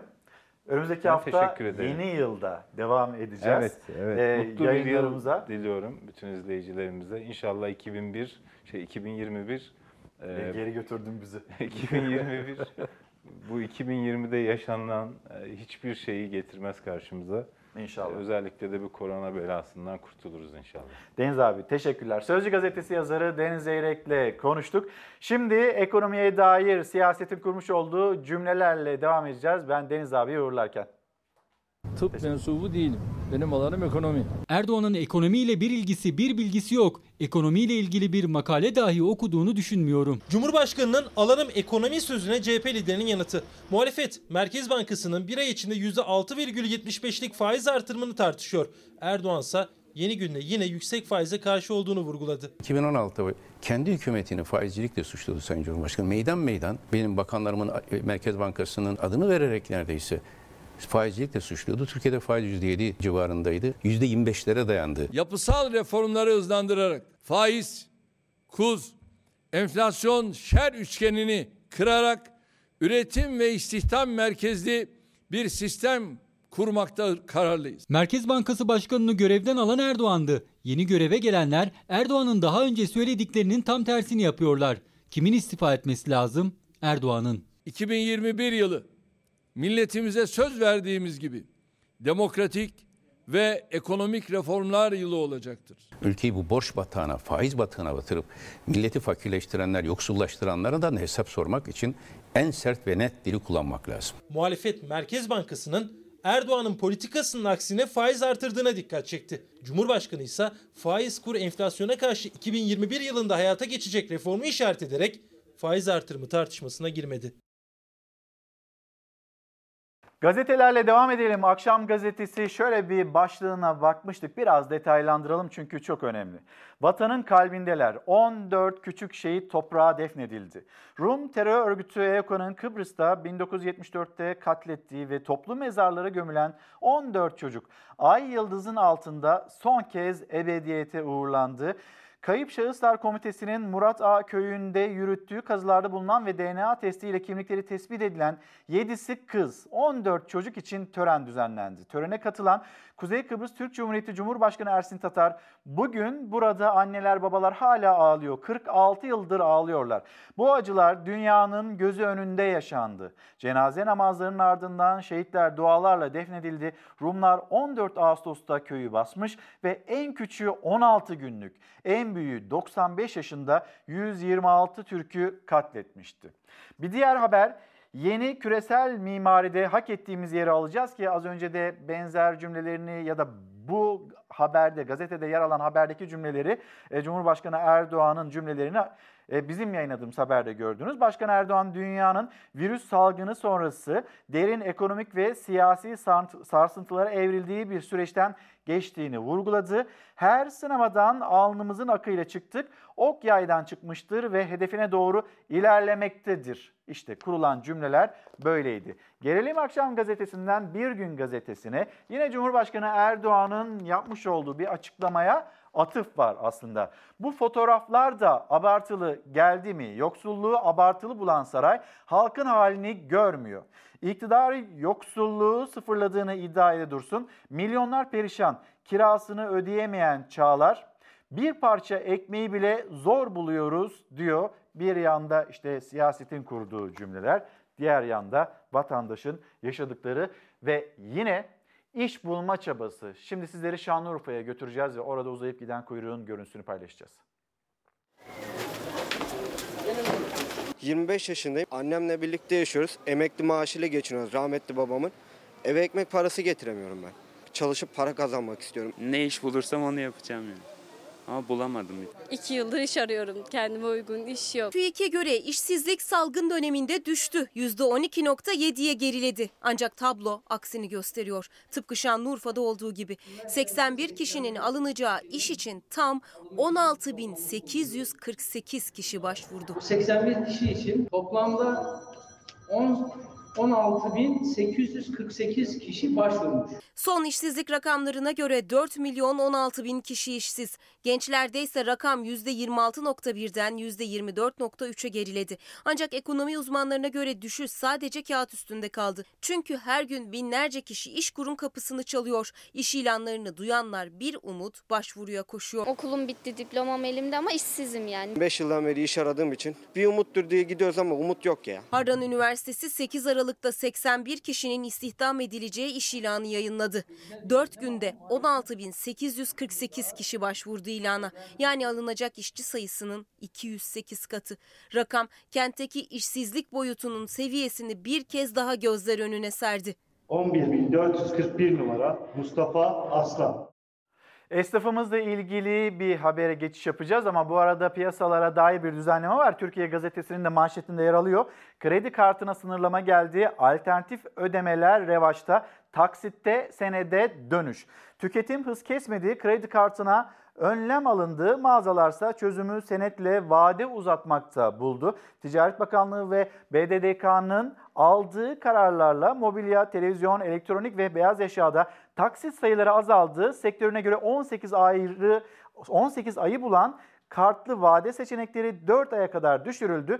Cari açığı ve ithalatı dengelemeye yönelik bu kararlar satışlara bir miktar yansıdı ama nasıl yansıdığını da söyleyelim. Düşüş olarak yansıdı ya da yansıyacak. Piyasa ise çıkışı yeniden senetli işlemlerde buldu. Piyasalarda çarkların bir şekilde dönmesi gerekiyor. Hatta bugün Ankara'da Ankara Büyükşehir Belediye Başkanı Mansur Yavaş bir kampanya başlatıyor. Evde kaldığımız süreçte bu haftadan itibaren önümüzdeki haftada ya da ne kadar evde vakit geçiriyorsak esnafımızı, lokantacıları, işte kafeleri, restoranları destekleyebilmek için evde yemek yapmayalım. Herkes gücü ölçüsünde sipariş versin de esnafımızı ayakta tutmaya çalışalım diye bir kampanya başlattı ve bu kampanya ile ilgili de öyle zannediyorum ilerleyen saatlerde kendisi de bir sipariş verecek ve bu kampanyayı daha yaygın bir şekilde duyuracak Mansur Yavaş. Hatırlatmasıyla bakalım esnafımız ne durumda? %70, %80 tabii ki de etkiledi yani koronanın sadece bizi değil bütün esnafları etkilediğini hepimiz sonuçta farkındayız. Şurada 5 tane personel çalıştırıyorum. Birinin bile bir günlük yevmiyesi çıkmıyor. Bizim burası kuyruk oluşurdu. Nefes almaya vaktimiz olmazdı ama şimdilik öyle değil. Tamamen yani bitti. Yılbaşı öncesi her yıl kuyruk olurdu. Şimdi ise siftah yok. Yeni yıldan önceki son hafta sonunda sokağa çıkma yasağı nedeniyle dükkanların kepenkleri kapalıydı. Açık olanlarsa günlük masraflarını bile çıkaramamaktan şikayetçi. Açık olan da dertli, kapalı olan da. Gerçekten tahminimce açık olan daha da dertli. Zaten bir şey yok. Giderlerin aynı, elektriğin aynı. Mecbur dayanabildiğimiz kadar dayanacağız. Esnaf her türlü zararda yani. Yeni yıla girmeden son hafta sonu. İstanbul Bakırköy'deki bu cadde alışveriş yapmak isteyenlerle dolar taşardı normalde. Ama sokağa çıkma yasağı olduğu için sokaklar, caddeler boş, dükkanlar kapalı. normalde burası cıvıl cıvıldı. Ama şimdi ya görüyorsun kimse yok. Sokağa çıkma yasağı var zaten. Restoranlar ve lokantalar müşterilerine paket servis yaparak hizmet ediyor ama onlar da dertli. Çünkü sadece paket servis yaparak başta kira, personel ve fatura masraflarına yetişemediklerini söylüyorlar.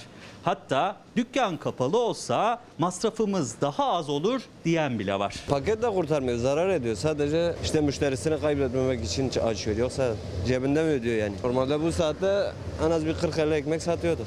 E şimdi 4-5 ekmek satmış. Çok zor durumda esnaf. Zaten yeterli e, destek de göremediğimiz için çok zor durumda esnaf. Esnaf destek beklerken Ticaret Bakanlığı alışverişte taksit sayılarını düşürdü. Televizyonda 6 ay olan taksit sayısı 4'e düşürüldü. Buzdolabı, çamaşır ve bulaşık makinesinde, mobilyadaysa bir yılla sınırlandırıldı taksit. Kuyumculuktaysa sınır 6 ay. Yani tüketici alırken zorlanacak, esnafsa zaten aylardır zorda. Gerçekten geçim çok çok zorlaştı.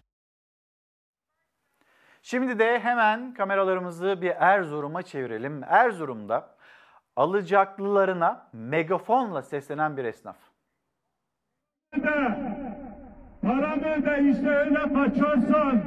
Borç verdiği ancak bir türlü geri alamadığı komşusunun ardından böyle seslendi megafonla. Verdiği altın borcunu ödemesini istedi. Lütfen parayı öde.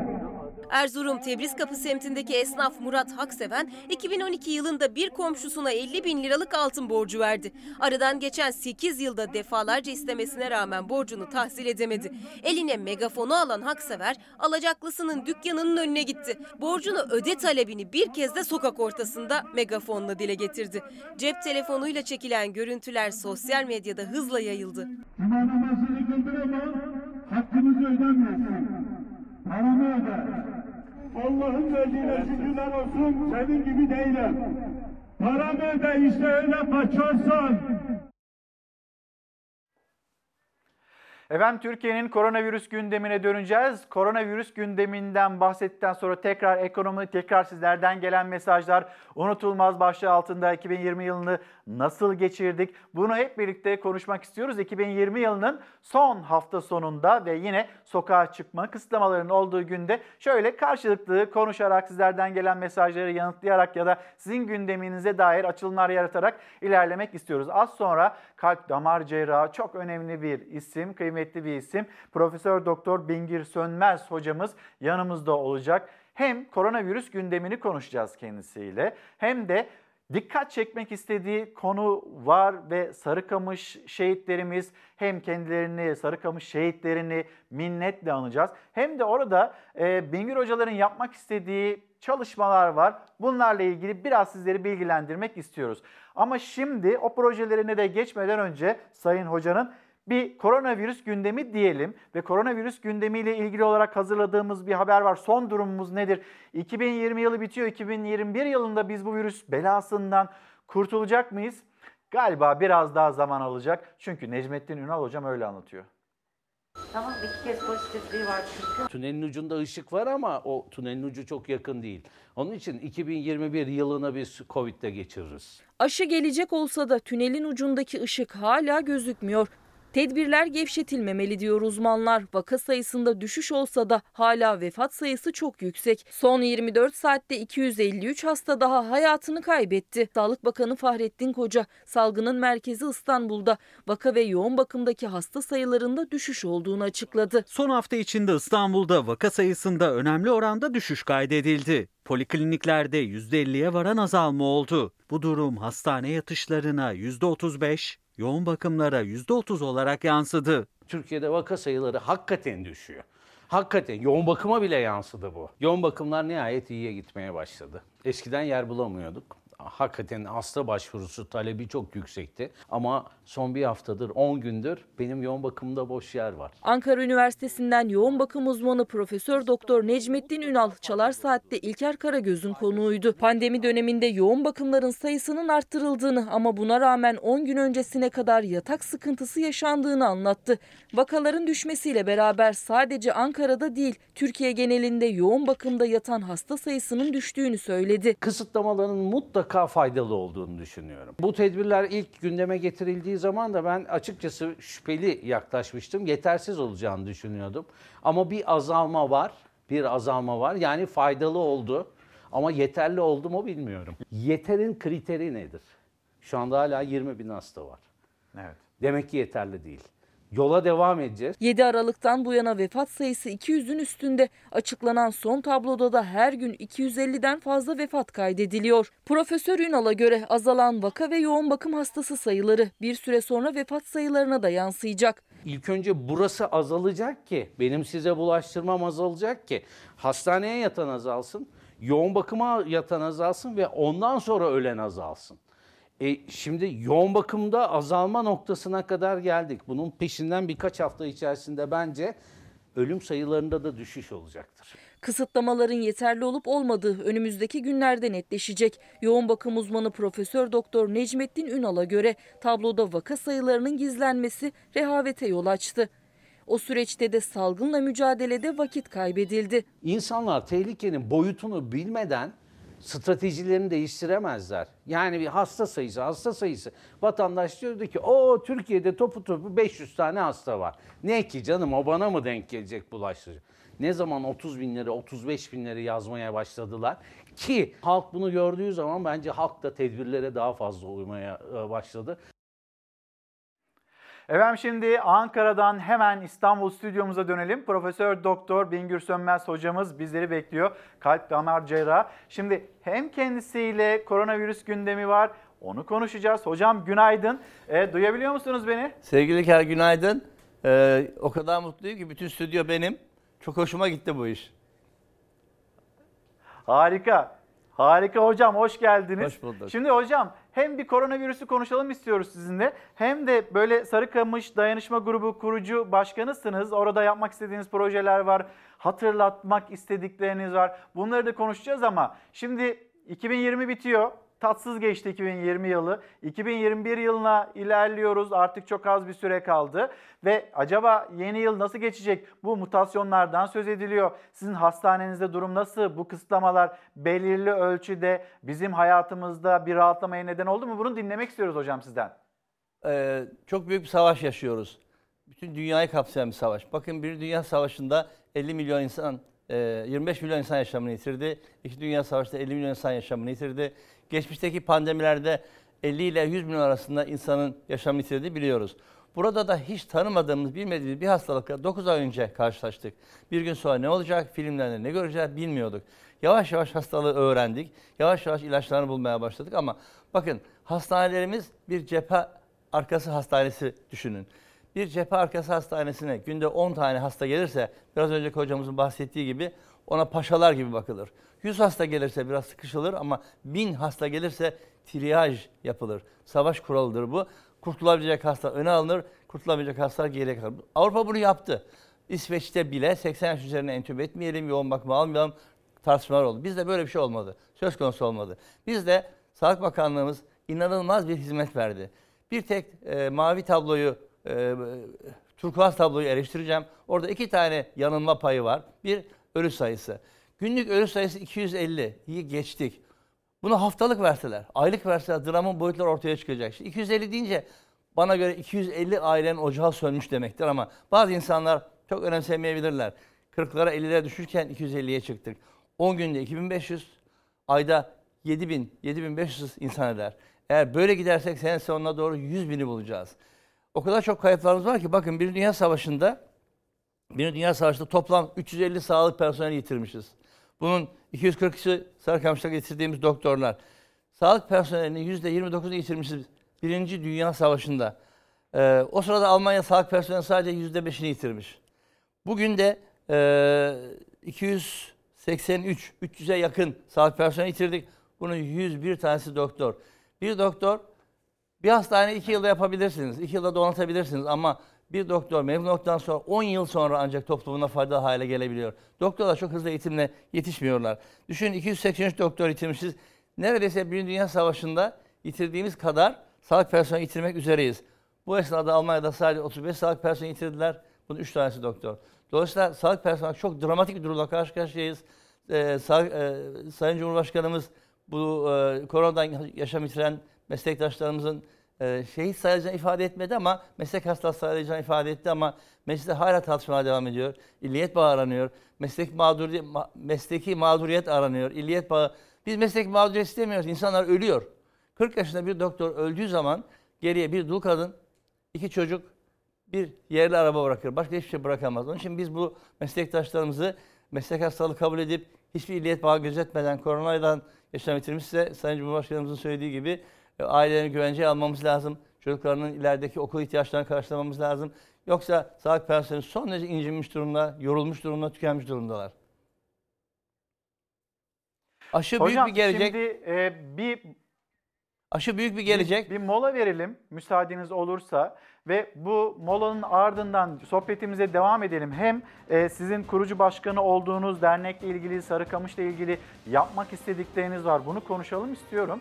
E, bir yandan da biraz böyle toplumda da endişeler var, kaygılar var. Aşıyla ilgili, mutasyonla ilgili ve sizin servisinizde acaba ne oluyor? Ya da kanser tedavilerinde ya da tanılarında ciddi oranda bir düşüş var. Buradaki problemle ilgili bir iki sorum daha olsun öyle devam edelim. Bir mola dönüşte reklamların ardından devam edeceğiz. Efendim bir kez daha günaydın. Çalar Saat hafta sonu devam ediyor. Az sonra yeniden İstanbul stüdyomuza döneceğiz. Profesör Doktor Bingür Sönmez hocamız koronavirüsle ilgili kendisinin e, vereceği mesajlar onlar çok kıymetli. Ama şimdi Uğur Şahin bir Türk bilim insanı ve Uğur Şahin'in yapmış olduğu değerlendirme hani o BioNTech aşısıyla ilgili yapmış olduğu değerlendirme bir yan etkisi var mı? Türkiye ile ilgili rezervler ne durumda? Hatırlayalım sonra İstanbul'a dönelim. Çok mü- mühim, çok mutlu mutlu ediyor bu bizi. Tabii doğduğumuz ülke ve ana vatan vatanımız ve kalbimizin olduğu yer. Onun için e, Türkiye'deki insanlara yardım edebilmemiz bizim için çok büyük bir mutluluk. Lo- lojistik konularına e, şey yapmamız lazım, hazırlamamız lazım. Aşımızın hangi yan etkileri var, nasıl yan etkisi olduğu zaman diyelim alerji olduğu zaman nasıl davranılması için bunların anlatmamız gerekiyor ve insanların e, e, sağlık personelinin hazırlığı olmasını istiyoruz. 30 milyonu e, 2021'in sonuna kadar e, düşünüyoruz. Mart ayının sonuna kadar 4,5 milyonu planladık. Sayın Sağlık Bakanı Fahrettin Koca'yla e, son son günlerde e, e, altı sefer e, telefon telefonla görüştük. Bir çözüm çözüm beraber bulduk. Sağ olsun o da çok yardımcı oldu. Neredeyse e, bir buçuk e, milyon kişiye kadar e, aşı yapıldı ve ve görün, görülen yan etkiler baş ağrısı, e, enjeksiyon olan yerde kol, kol ağrısı, e, biraz yorgunluk, e, belki ateş olabilir. E, bir iki gün içinde bunlar gidiyor. Alerji e, normal olarak e, ilk 30 dakikada oluyor. Onun için en azından 30 dakika aşı yapıldıktan sonra e, sağlık personelinin e, ya- yakınında olması lazım. 50 bin kişide bir kere olan bir şey olabilir. Onu bilmiyoruz, rakamlarını tam bilmiyoruz ama pek na- nadir olan bir şey. Bu kış e, neredeyse her ülke için zor olacak. E, insanların yüzde yetmişine e, aşı vermemiz gerekiyor. Yardım geliyor, yardım yetişecek, yaza kadar yetişecek. Sabırlı olalım e, ve inşallah gelecek yazda e, yazın sonunda hepimiz normal hayata dönme ihtimali var. Ve Türkiye'de hem araştırma e, araştırma yapmak istiyoruz. Bu takla görüşmemiz var, var ve birkaç üniversitede çalışan profesörlerle e, çalışmaya başladı. Kanser çalışmalarını da Türkiye'de yapmak istiyoruz. Kolyeniz e, çok e, dikkat çekiyor. E, Biz e,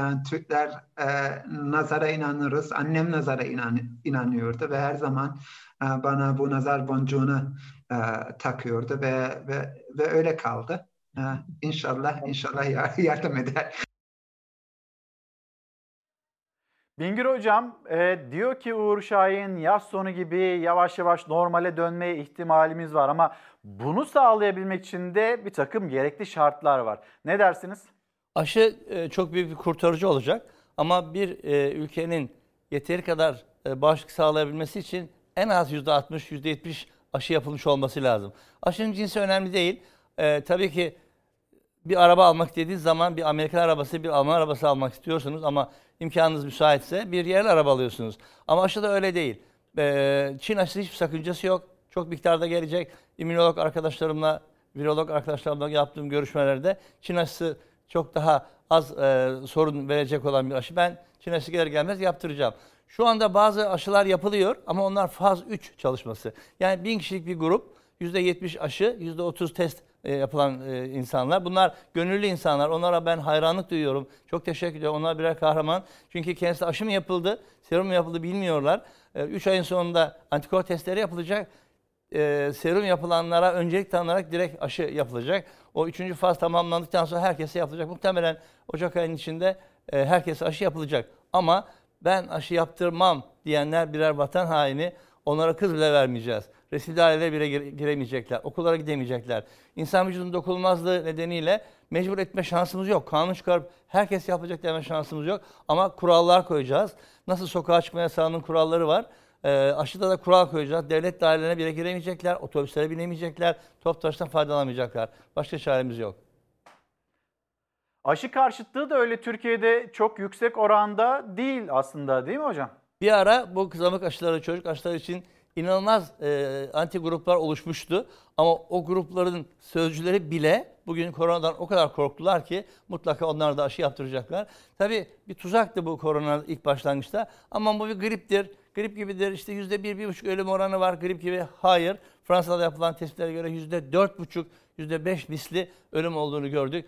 Bu e, uydurma İspanya nezlesi zamanında da çıkmış. Yani 1914-1918 sırasında İspanya nezlesi çıktığında aman 3 günlük bir grip bu. 3 gün sonra işe dönebiliyor insanlar demişler.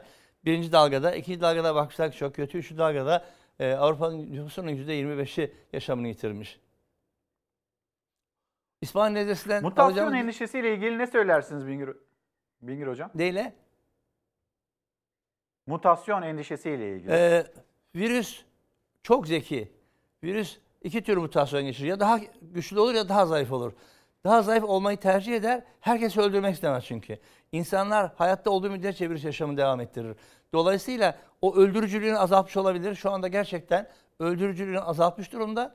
Ama e, bulaşı artmış durumda. Daha çok bulaşıyor ama daha az ölümcül oldu. Burada tabii bizim hastalığı tanımamız, tedavi edebilme şansımız da çok önemli. Ne kadar az insan hasta olursa tedavide o kadar başarılı olacağımız kesin.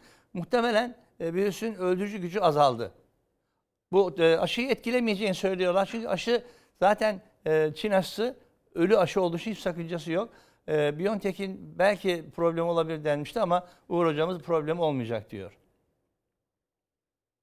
Hocam şimdi son bir soru soracağım ama hem size hem de izleyicilerimize bir haber izletmek istiyorum. Mesela e, kanser taramaları ile ilgili erken tanıda %88'lik bir düşüş yaşandı.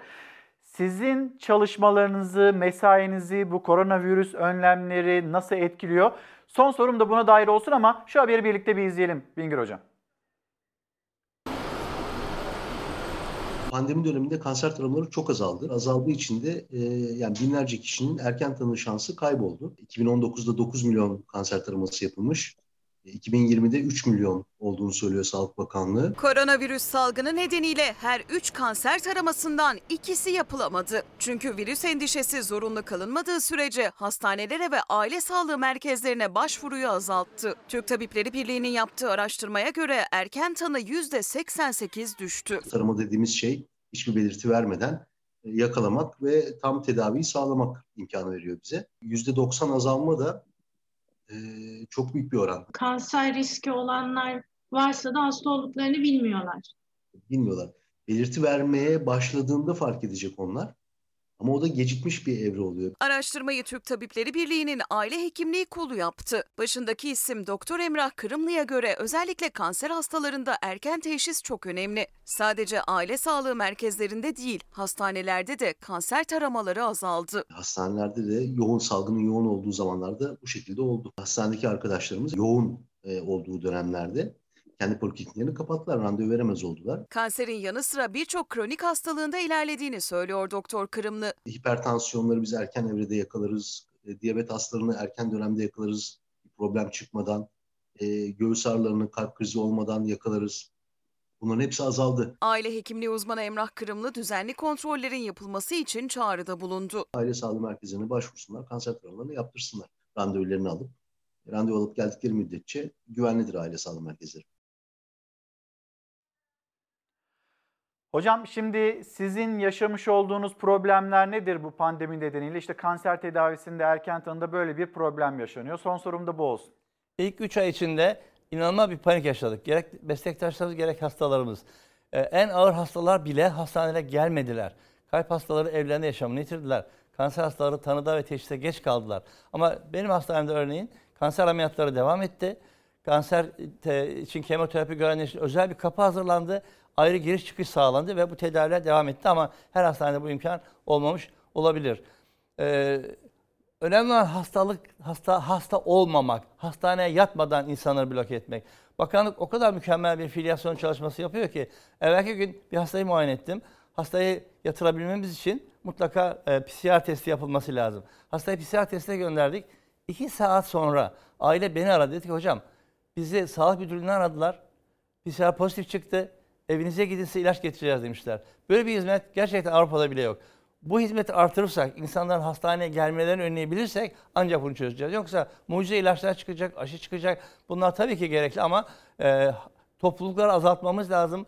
İnsanları sokaktan çekmemiz lazım. Keşke bir 15 gün tam kapanabilseydik. Ama bu sembolik kapanma bile olumlu olarak etkiledi. Bütün meslektaşlarımız aynı şeyi söylüyorlar. Ben kendi adıma söyleyeyim.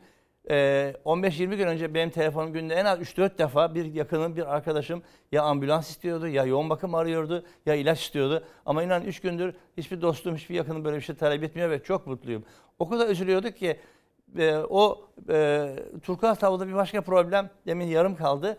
E, yatak sayıları. Bakın benim hastanem 220 yataklı. Sadece 40 yatak korona yatağı.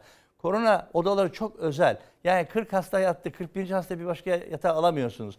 Bir kat tamamen korona hastası oluyor. Klimalar negatife çevriliyor. Hemşireler hiç dışarı çıkmıyor. Özel giysiler alıyor. Özel eğitimli hemşire oluyorlar. Dolayısıyla 220 yatağın 40'ı benim bugün hastanemde 40 yatağın 40'ı da dolu. 7 yoğun bakımın yatağın 7'si de dolu. Ama Türk tabloya bakıyorsun %70 dolu. Yani %30 boş zannediyor insanlar. Keşke e, bakanlığımız onu verirken, Sayın Bakanımız onu verirken kullanılmakta olan korona yatakları üzerine verse İnan o zaman görecekler ki yüzde yüz ve insanlar daha ciddi alacaklar, daha ciddi tedbir alacaklar. Şunu anlamıyorum, insanlar AVM'ye gitmeye korkmuyor. E, insanlar AVM'ye gitmeye korkmuyor. Buyurun, buyurun. Pazara gitmeye korkmuyor ama hastaneye gelmeye korkuyorlar. Korkmasınlar. Hastaneler en güvenli yerler, çok özel tedbirler alınıyor e, ve hasta yığılması en, önleniyor. Sadece bir refakatçi ile e, işleme alıyoruz. Ameliyat ettiğimiz hastalara ziyaretçi kabul etmiyoruz. Refakatçi de mutlaka PCR testi yapıyoruz. Hocam şimdi e, cerrahlık ünvanınızı bir kenara koyalım ve Sarıkamış Dayanışma Grubu Kurucu Başkanlığı e, ünvanınıza geçiş yapalım. Bununla ilgili bizim bir hazırlığımız var. E, yönetmenimizden Hilal'den de rica edeyim. Sarıkamış, Sarıkamış'ta şehitlerimiz oldu ve aslında biraz da siz detaylandıracaksınız. Orayla ilgili anlamlı özel projelere de e, imza atmak istiyorsunuz. O başlıklara da geçiş yapacağız ama bir hazırlığımızı paylaşalım.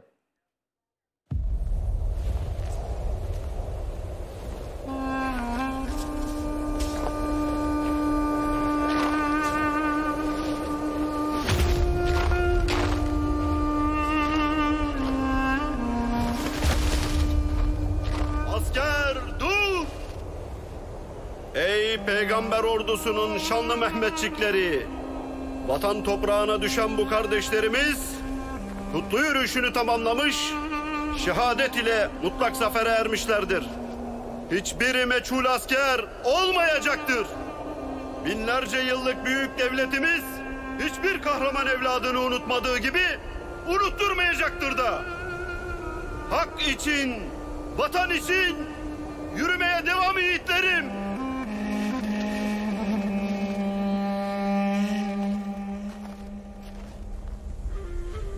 Askere.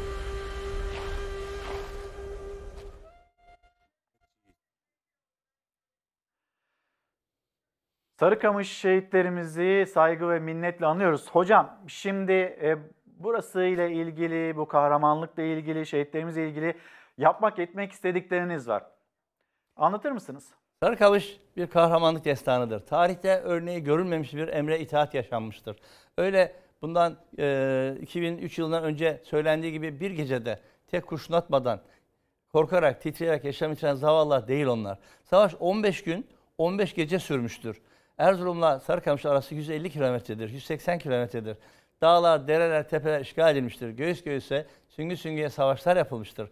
Sarıkamış'a girilmiştir. Ama arkası gelmediği için e, yenilgiyle sonuçlanmıştır. Her savaşın bir yenilen tarafı vardır. Bu kahramanlar yenilmiş oldukları için böyle anılmamaları gerekirdi. Zaten Genelkurmay Başkanlığımız e, 22 Ocak 2004'te ilk anılma yılında, ilk 90. yıl anma törenlerinde inanılmaz bir deklarasyonda bulundu. Dedi ki e, Sarıkamış yönetim biliminde hayal ile gerçek ve yönetilemeyen risk ile yönetilebilir riskin ne anlama geldiğini gösteren en güzel örnektir. Ve onların kahramanlıklarını ifade etti, onurlandırdı. Bu artık Genelkurmay her sene e, 22 Aralık'ta e, web sayfalarında mutlaka Sarıkamış şehitlerini öven bir e, deklarasyonda bulunuyor. Yanlışlık neydi? Hava şartları. Tabii ki meteoroloji yoktu o gün ama çobanlar vardı. Köylüler vardı. Eğer sorumlu komutan çobanlara sorsaydı, oradaki köylülere sorsaydı diyeceklerdi ki bunlar zemheri soğuklarıdır. Yani 22 Aralık 30 Ocak arasında 40 gün süren zemheri soğuklar vardır ve şu, e, Fahrettin Erdoğan e, yörenin önemli bilim adamlarından birisi diyor ki bu zamanlar gün dönümü olduğundan dağlar karşı karşıya anafor yapar ve bu hal en az bir hafta devam eder. Kars halkı bu hafta içinde evden dışarıya çıkamaz. Çünkü her taraf sis tipi ve kasırgayla doldur. Ordunun geçtiği yollar ise ancak Haziran ayında aşılabilir. Allah Ekber'in eteğine geliyor e, Hafız Hakkı Paşa biraz haritada göstereceğim. Daha 55 kilometre kuş uçuşu. 18 saate geçeceğini zannediyor. 4 gün. Ee, Genelkurmay Baş Osmanlı Hemen ordusunun... haritayı da ekranlara yansıtalım bu arada. Ben oraya gidebilir miyim isterseniz? Şöyle yapalım. Tabii ki hocam lütfen. Üçüncü ordu, üç tane kol ordu. Bir, iki, üç kol ordu. Dokuzuncu kol ordu, onuncu kol ordu ve on birinci kol ordu. On birinci kol ordu şu iki Rus e, kol ordusunu bloke edecek. Taciz manevralarıyla geri gitmesini önleyecek. Çimenli'den çıkan 29. Tümen Enver Paşa'nın komutasında çünkü Hasan İzzet Paşa'yı görevden aldı. Daha doğrusu kendisi istifa etti. Ee, bu planı görünce Hasan İzzet Paşa 3. Ordu Komutanı ben size hiç Osmanlı'nın bir kış zaferi kazandığını öğrettim mi demesi üzerine eğer e, akademide hocam olmasaydınız şimdi siz ellerine kurşun ezerdi sözü bütün tarihi anlarda yerini almaktadır. İstanbul'dan o, o, o kıdemde bir komutan gelmesi mümkün olmaz çünkü kendisi komuta ele almıştır ama bir anda başkomutan vekili 3. Ordu Komutanı olmuştur. 29 Tümen'in başına geçmiştir. Hatta e, 9. Kolordu'nun başına geçmiştir. Hatta 29 Tümen'in başına geçmiştir. Topçulara bile ateş emremiştir bu büyük bir kaos yaratmıştır. Emir komutan zincirini bozmuştur. 29. Tümen top yolundan Dedemin köyü olan Gaziler Köyü'ne, Barız Köyü'ne gelecek. Bakın bu 65 kilometrelik bir yol. Biz yaz yürüyüşleriyle Erzurum Akut grubuyla birlikte bu yolu 3 gece 4 günde alabiliyoruz. O kahramanlar karda kışta o top yolunu cebri yürüyüşte 2,5 günde almışlar. Cebri yürüyüş ne demek? Tuvalet ihtiyacı yok, yemek yok, içmek yok, uyumak yok.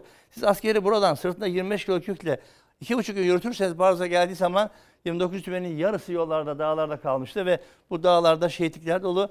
E, harita Genel Komutanlığı'nın kahraman subaylarıyla beraber o dağları dolaştık.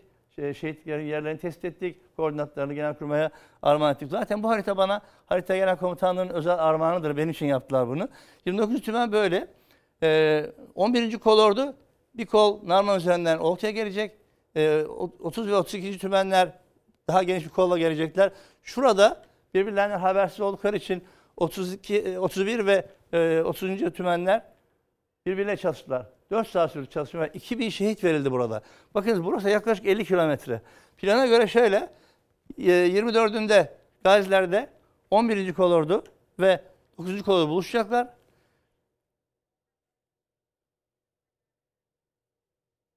On birinci kolordu Rusları geri çekmesini önleyecek ve 25'inde Sarkamış önüne gelecekler.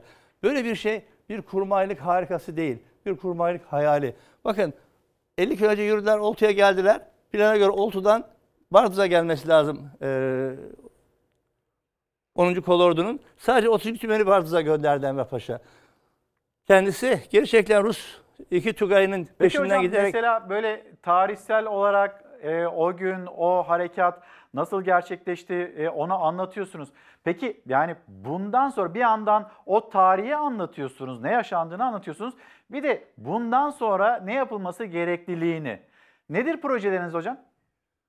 Bunu tamamını isterseniz hiçbir zaman bu projeye göre Sarıkamış'ın önünde 24'ünde 25'inde buluşması mümkün değildi. Ordunun tamamen bir hayaldi.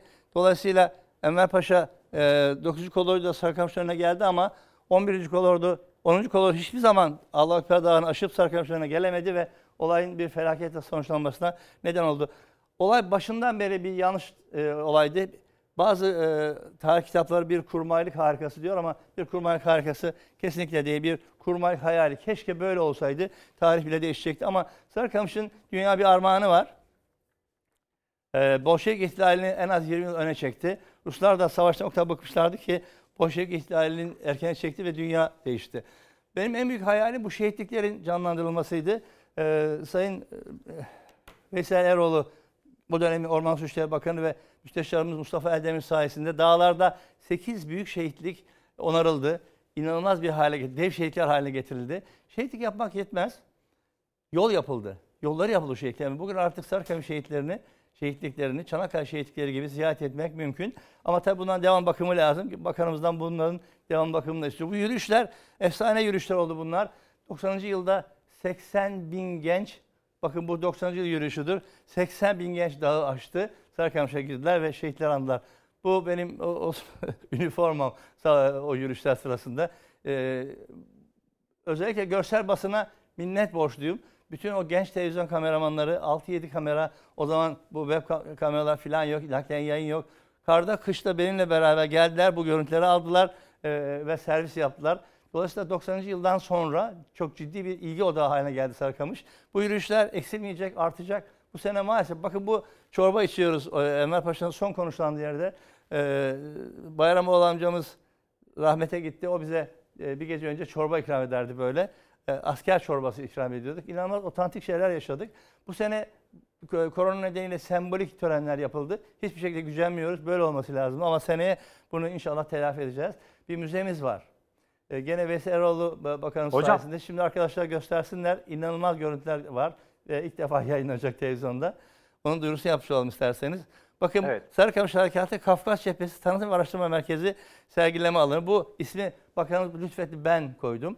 Ee, Sarıkamış Harekatı. Bu dış görünüş bakın önünde 3 önünde 3500 kişilik bir e, tören alanı var. Bu Hilal için e, müze olacak. Burası Sarıkamış, burası Ermeni olaylarla ilgili e, bir e, kütüphane olacak. Burada büyük bir bin kişilik bir e, konferans salonu var. Sarıkamış'a inanılmaz bir katkısı olacak bu müzenin ve Sarıkamış şehitlerine yapılacak evet. son görevdir bence.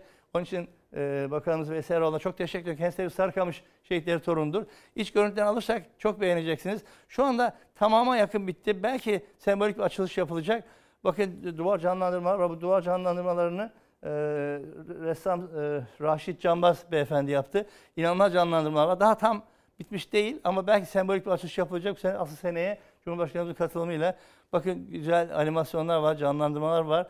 Ee, çok güzel tablolar var. Bakın bu e, benim köyümün Barduz'un e, müzeye bir armağanı. O günkü tek taşıt, tek e, kamyoneti, kamyonetimiz, Kaan arabamız.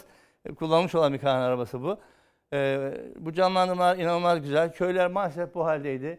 E, ordu geri çekildikten Bingöl sonra. Hocam şimdi burası Sarıkamış'la ilgili sizin hayalleriniz büyük, yapmak istekleriniz büyük.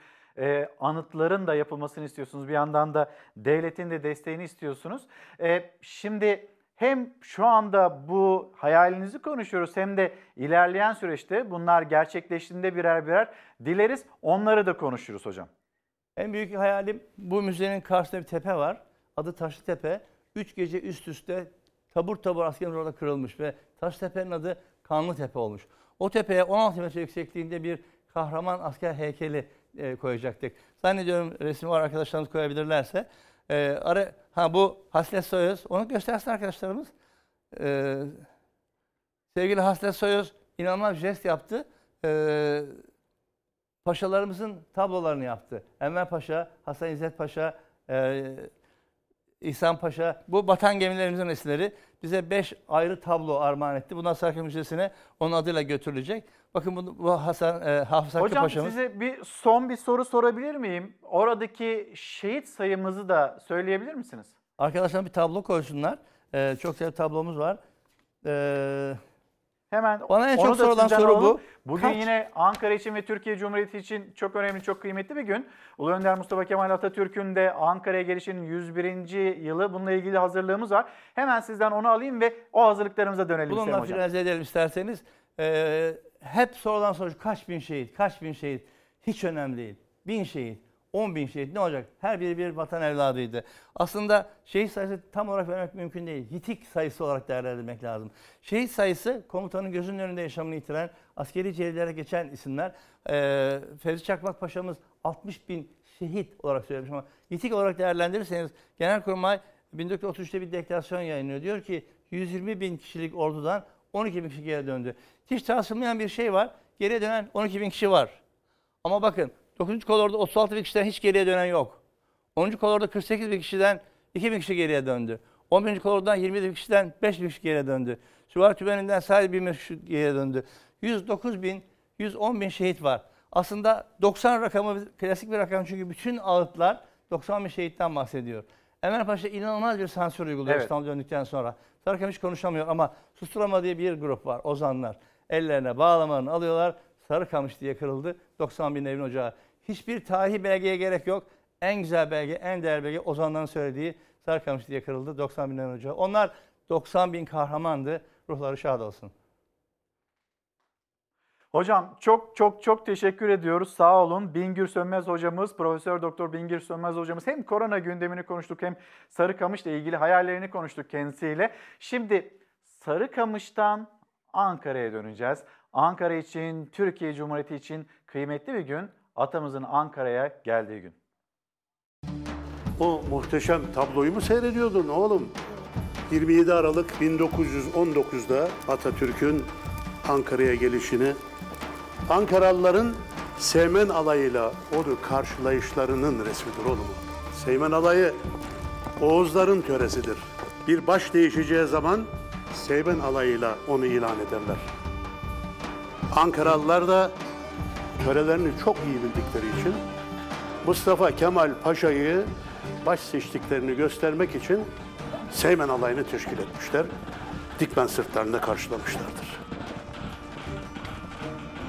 Atatürk de Dikmen sırtlarında Seymen alayını gördüğünde yanındaki erkana şöyle demiştir.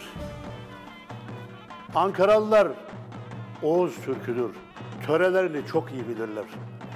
Bizi Seymen alayıyla karşılamakla bizi baş seçtiler. Bundan sonra biz bütün çalışmamızı, bütün mücadelemizi buradan yöneteceğiz dedi. Bu resim o resimdir. İşte o resimde Atatürk'ün Mustafa Kemal Paşa'nın karşısında gördüğün kişi de benim dedem Yağcıoğlu Fehmi Efe'dir. Merhaba Efeler. Sağ ol Paşa. Efeler, buraya niçin geldiniz? Paşa seni görmeye, bu vatan uğruna ölmeye geldik.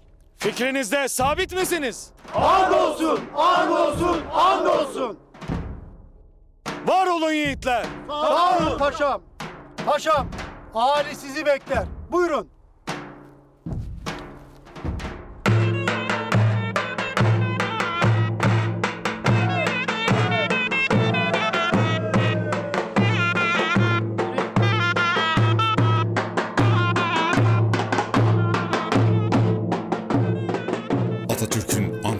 Ankara'ya gelişinin 101. yılı kutlu olsun.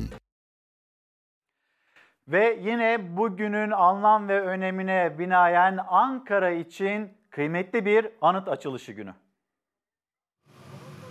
Ankara Büyükşehir Belediye Başkanı Mansur Yavaş'ın talimatıyla hazırlandı 10 metre yüksekliğindeki anıt Genelkurmay Kavşağı'na Melih Gökçe'nin kaldırılan kol saati heykelinin yerine konuldu. Maliyeti Ankara Sanayi Odası 2. Organize Sanayi Bölgesi tarafından karşılanan Kızılca Gün anıtı. Milli mücadeleye inanmış Büyük Önder Mustafa Kemal Atatürk ve temsili heyetini, onları karşılayan Ankaralıları ve 16 Türk Devleti ile Türkiye Cumhuriyeti'ni sembolize ediyor. Anıta verilen isim olan Kızılca Gün, Oğuz töresine göre bir devletin yıkılıp yeni bir devletin kurulduğu ve yeni liderin seçildiği gün olarak biliniyor. Anıtın pandemi nedeniyle temsili açılışı bugün Atatürk'ün Ankara'ya gelişinin 101. yıl dönümünde yapılacak.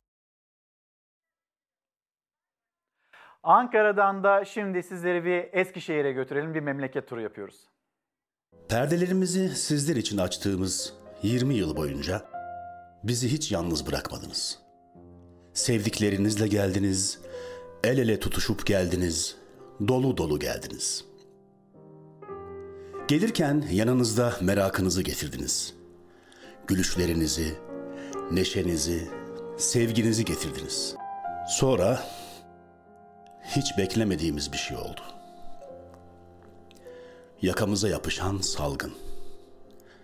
Yaşamımızı tamamen değiştirdi.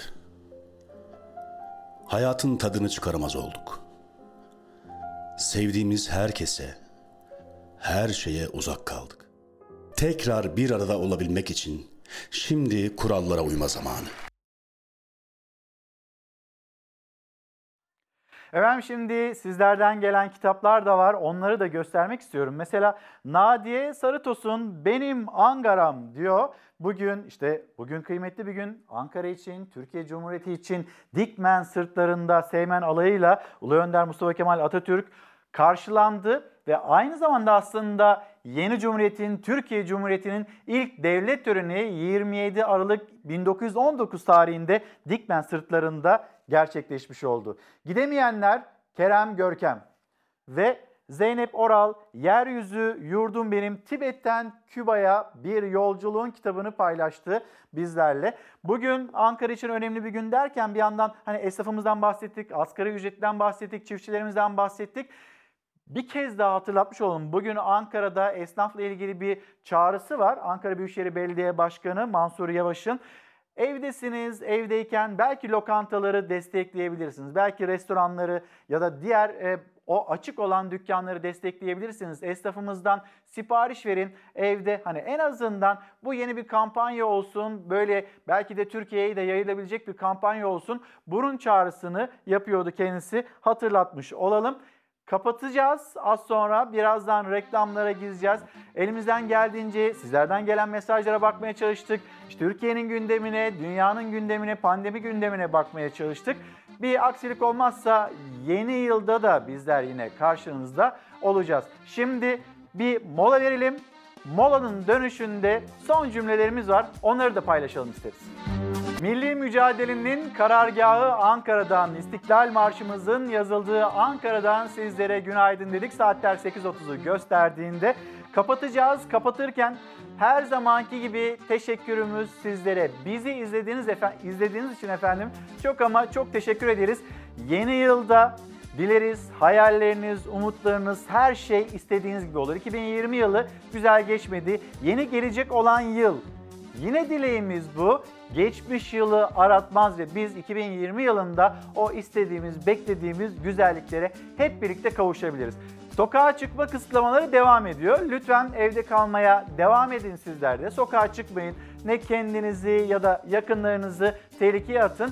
Önemli olan hep birlikte bir seferberlik halinde bu dayanışmayı vermek ve toplumun genelinde %60'lık %70'lik o aşılama oranına da kavuştuğumuzda öyle söylüyor Uğur Şahin yaz aylarında kim bilir istediğimiz o günlere kavuşacağız 2021 yılının yaz aylarında belki de böyle daha rahat günlere kavuşmuş olacağız. Aşımızı yaptırmamız gerekiyor. Evimize kalmamız gerekiyor.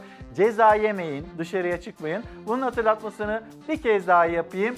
Ankara, Ankara'dan günaydınlarımızı ilettik. Şimdi de sizlere hoşçakalın diyoruz. Tekrar hatırlatalım bir aksilik bir mani keder olmazsa yeni yılı da birlikte karşılayacağız. Önümüzdeki hafta sonunda sizlerle birlikte olacağız. Tekrar teşekkür ederiz bizi izlediğiniz için. Sağlıklı, güzel, mutlu bir gün olsun.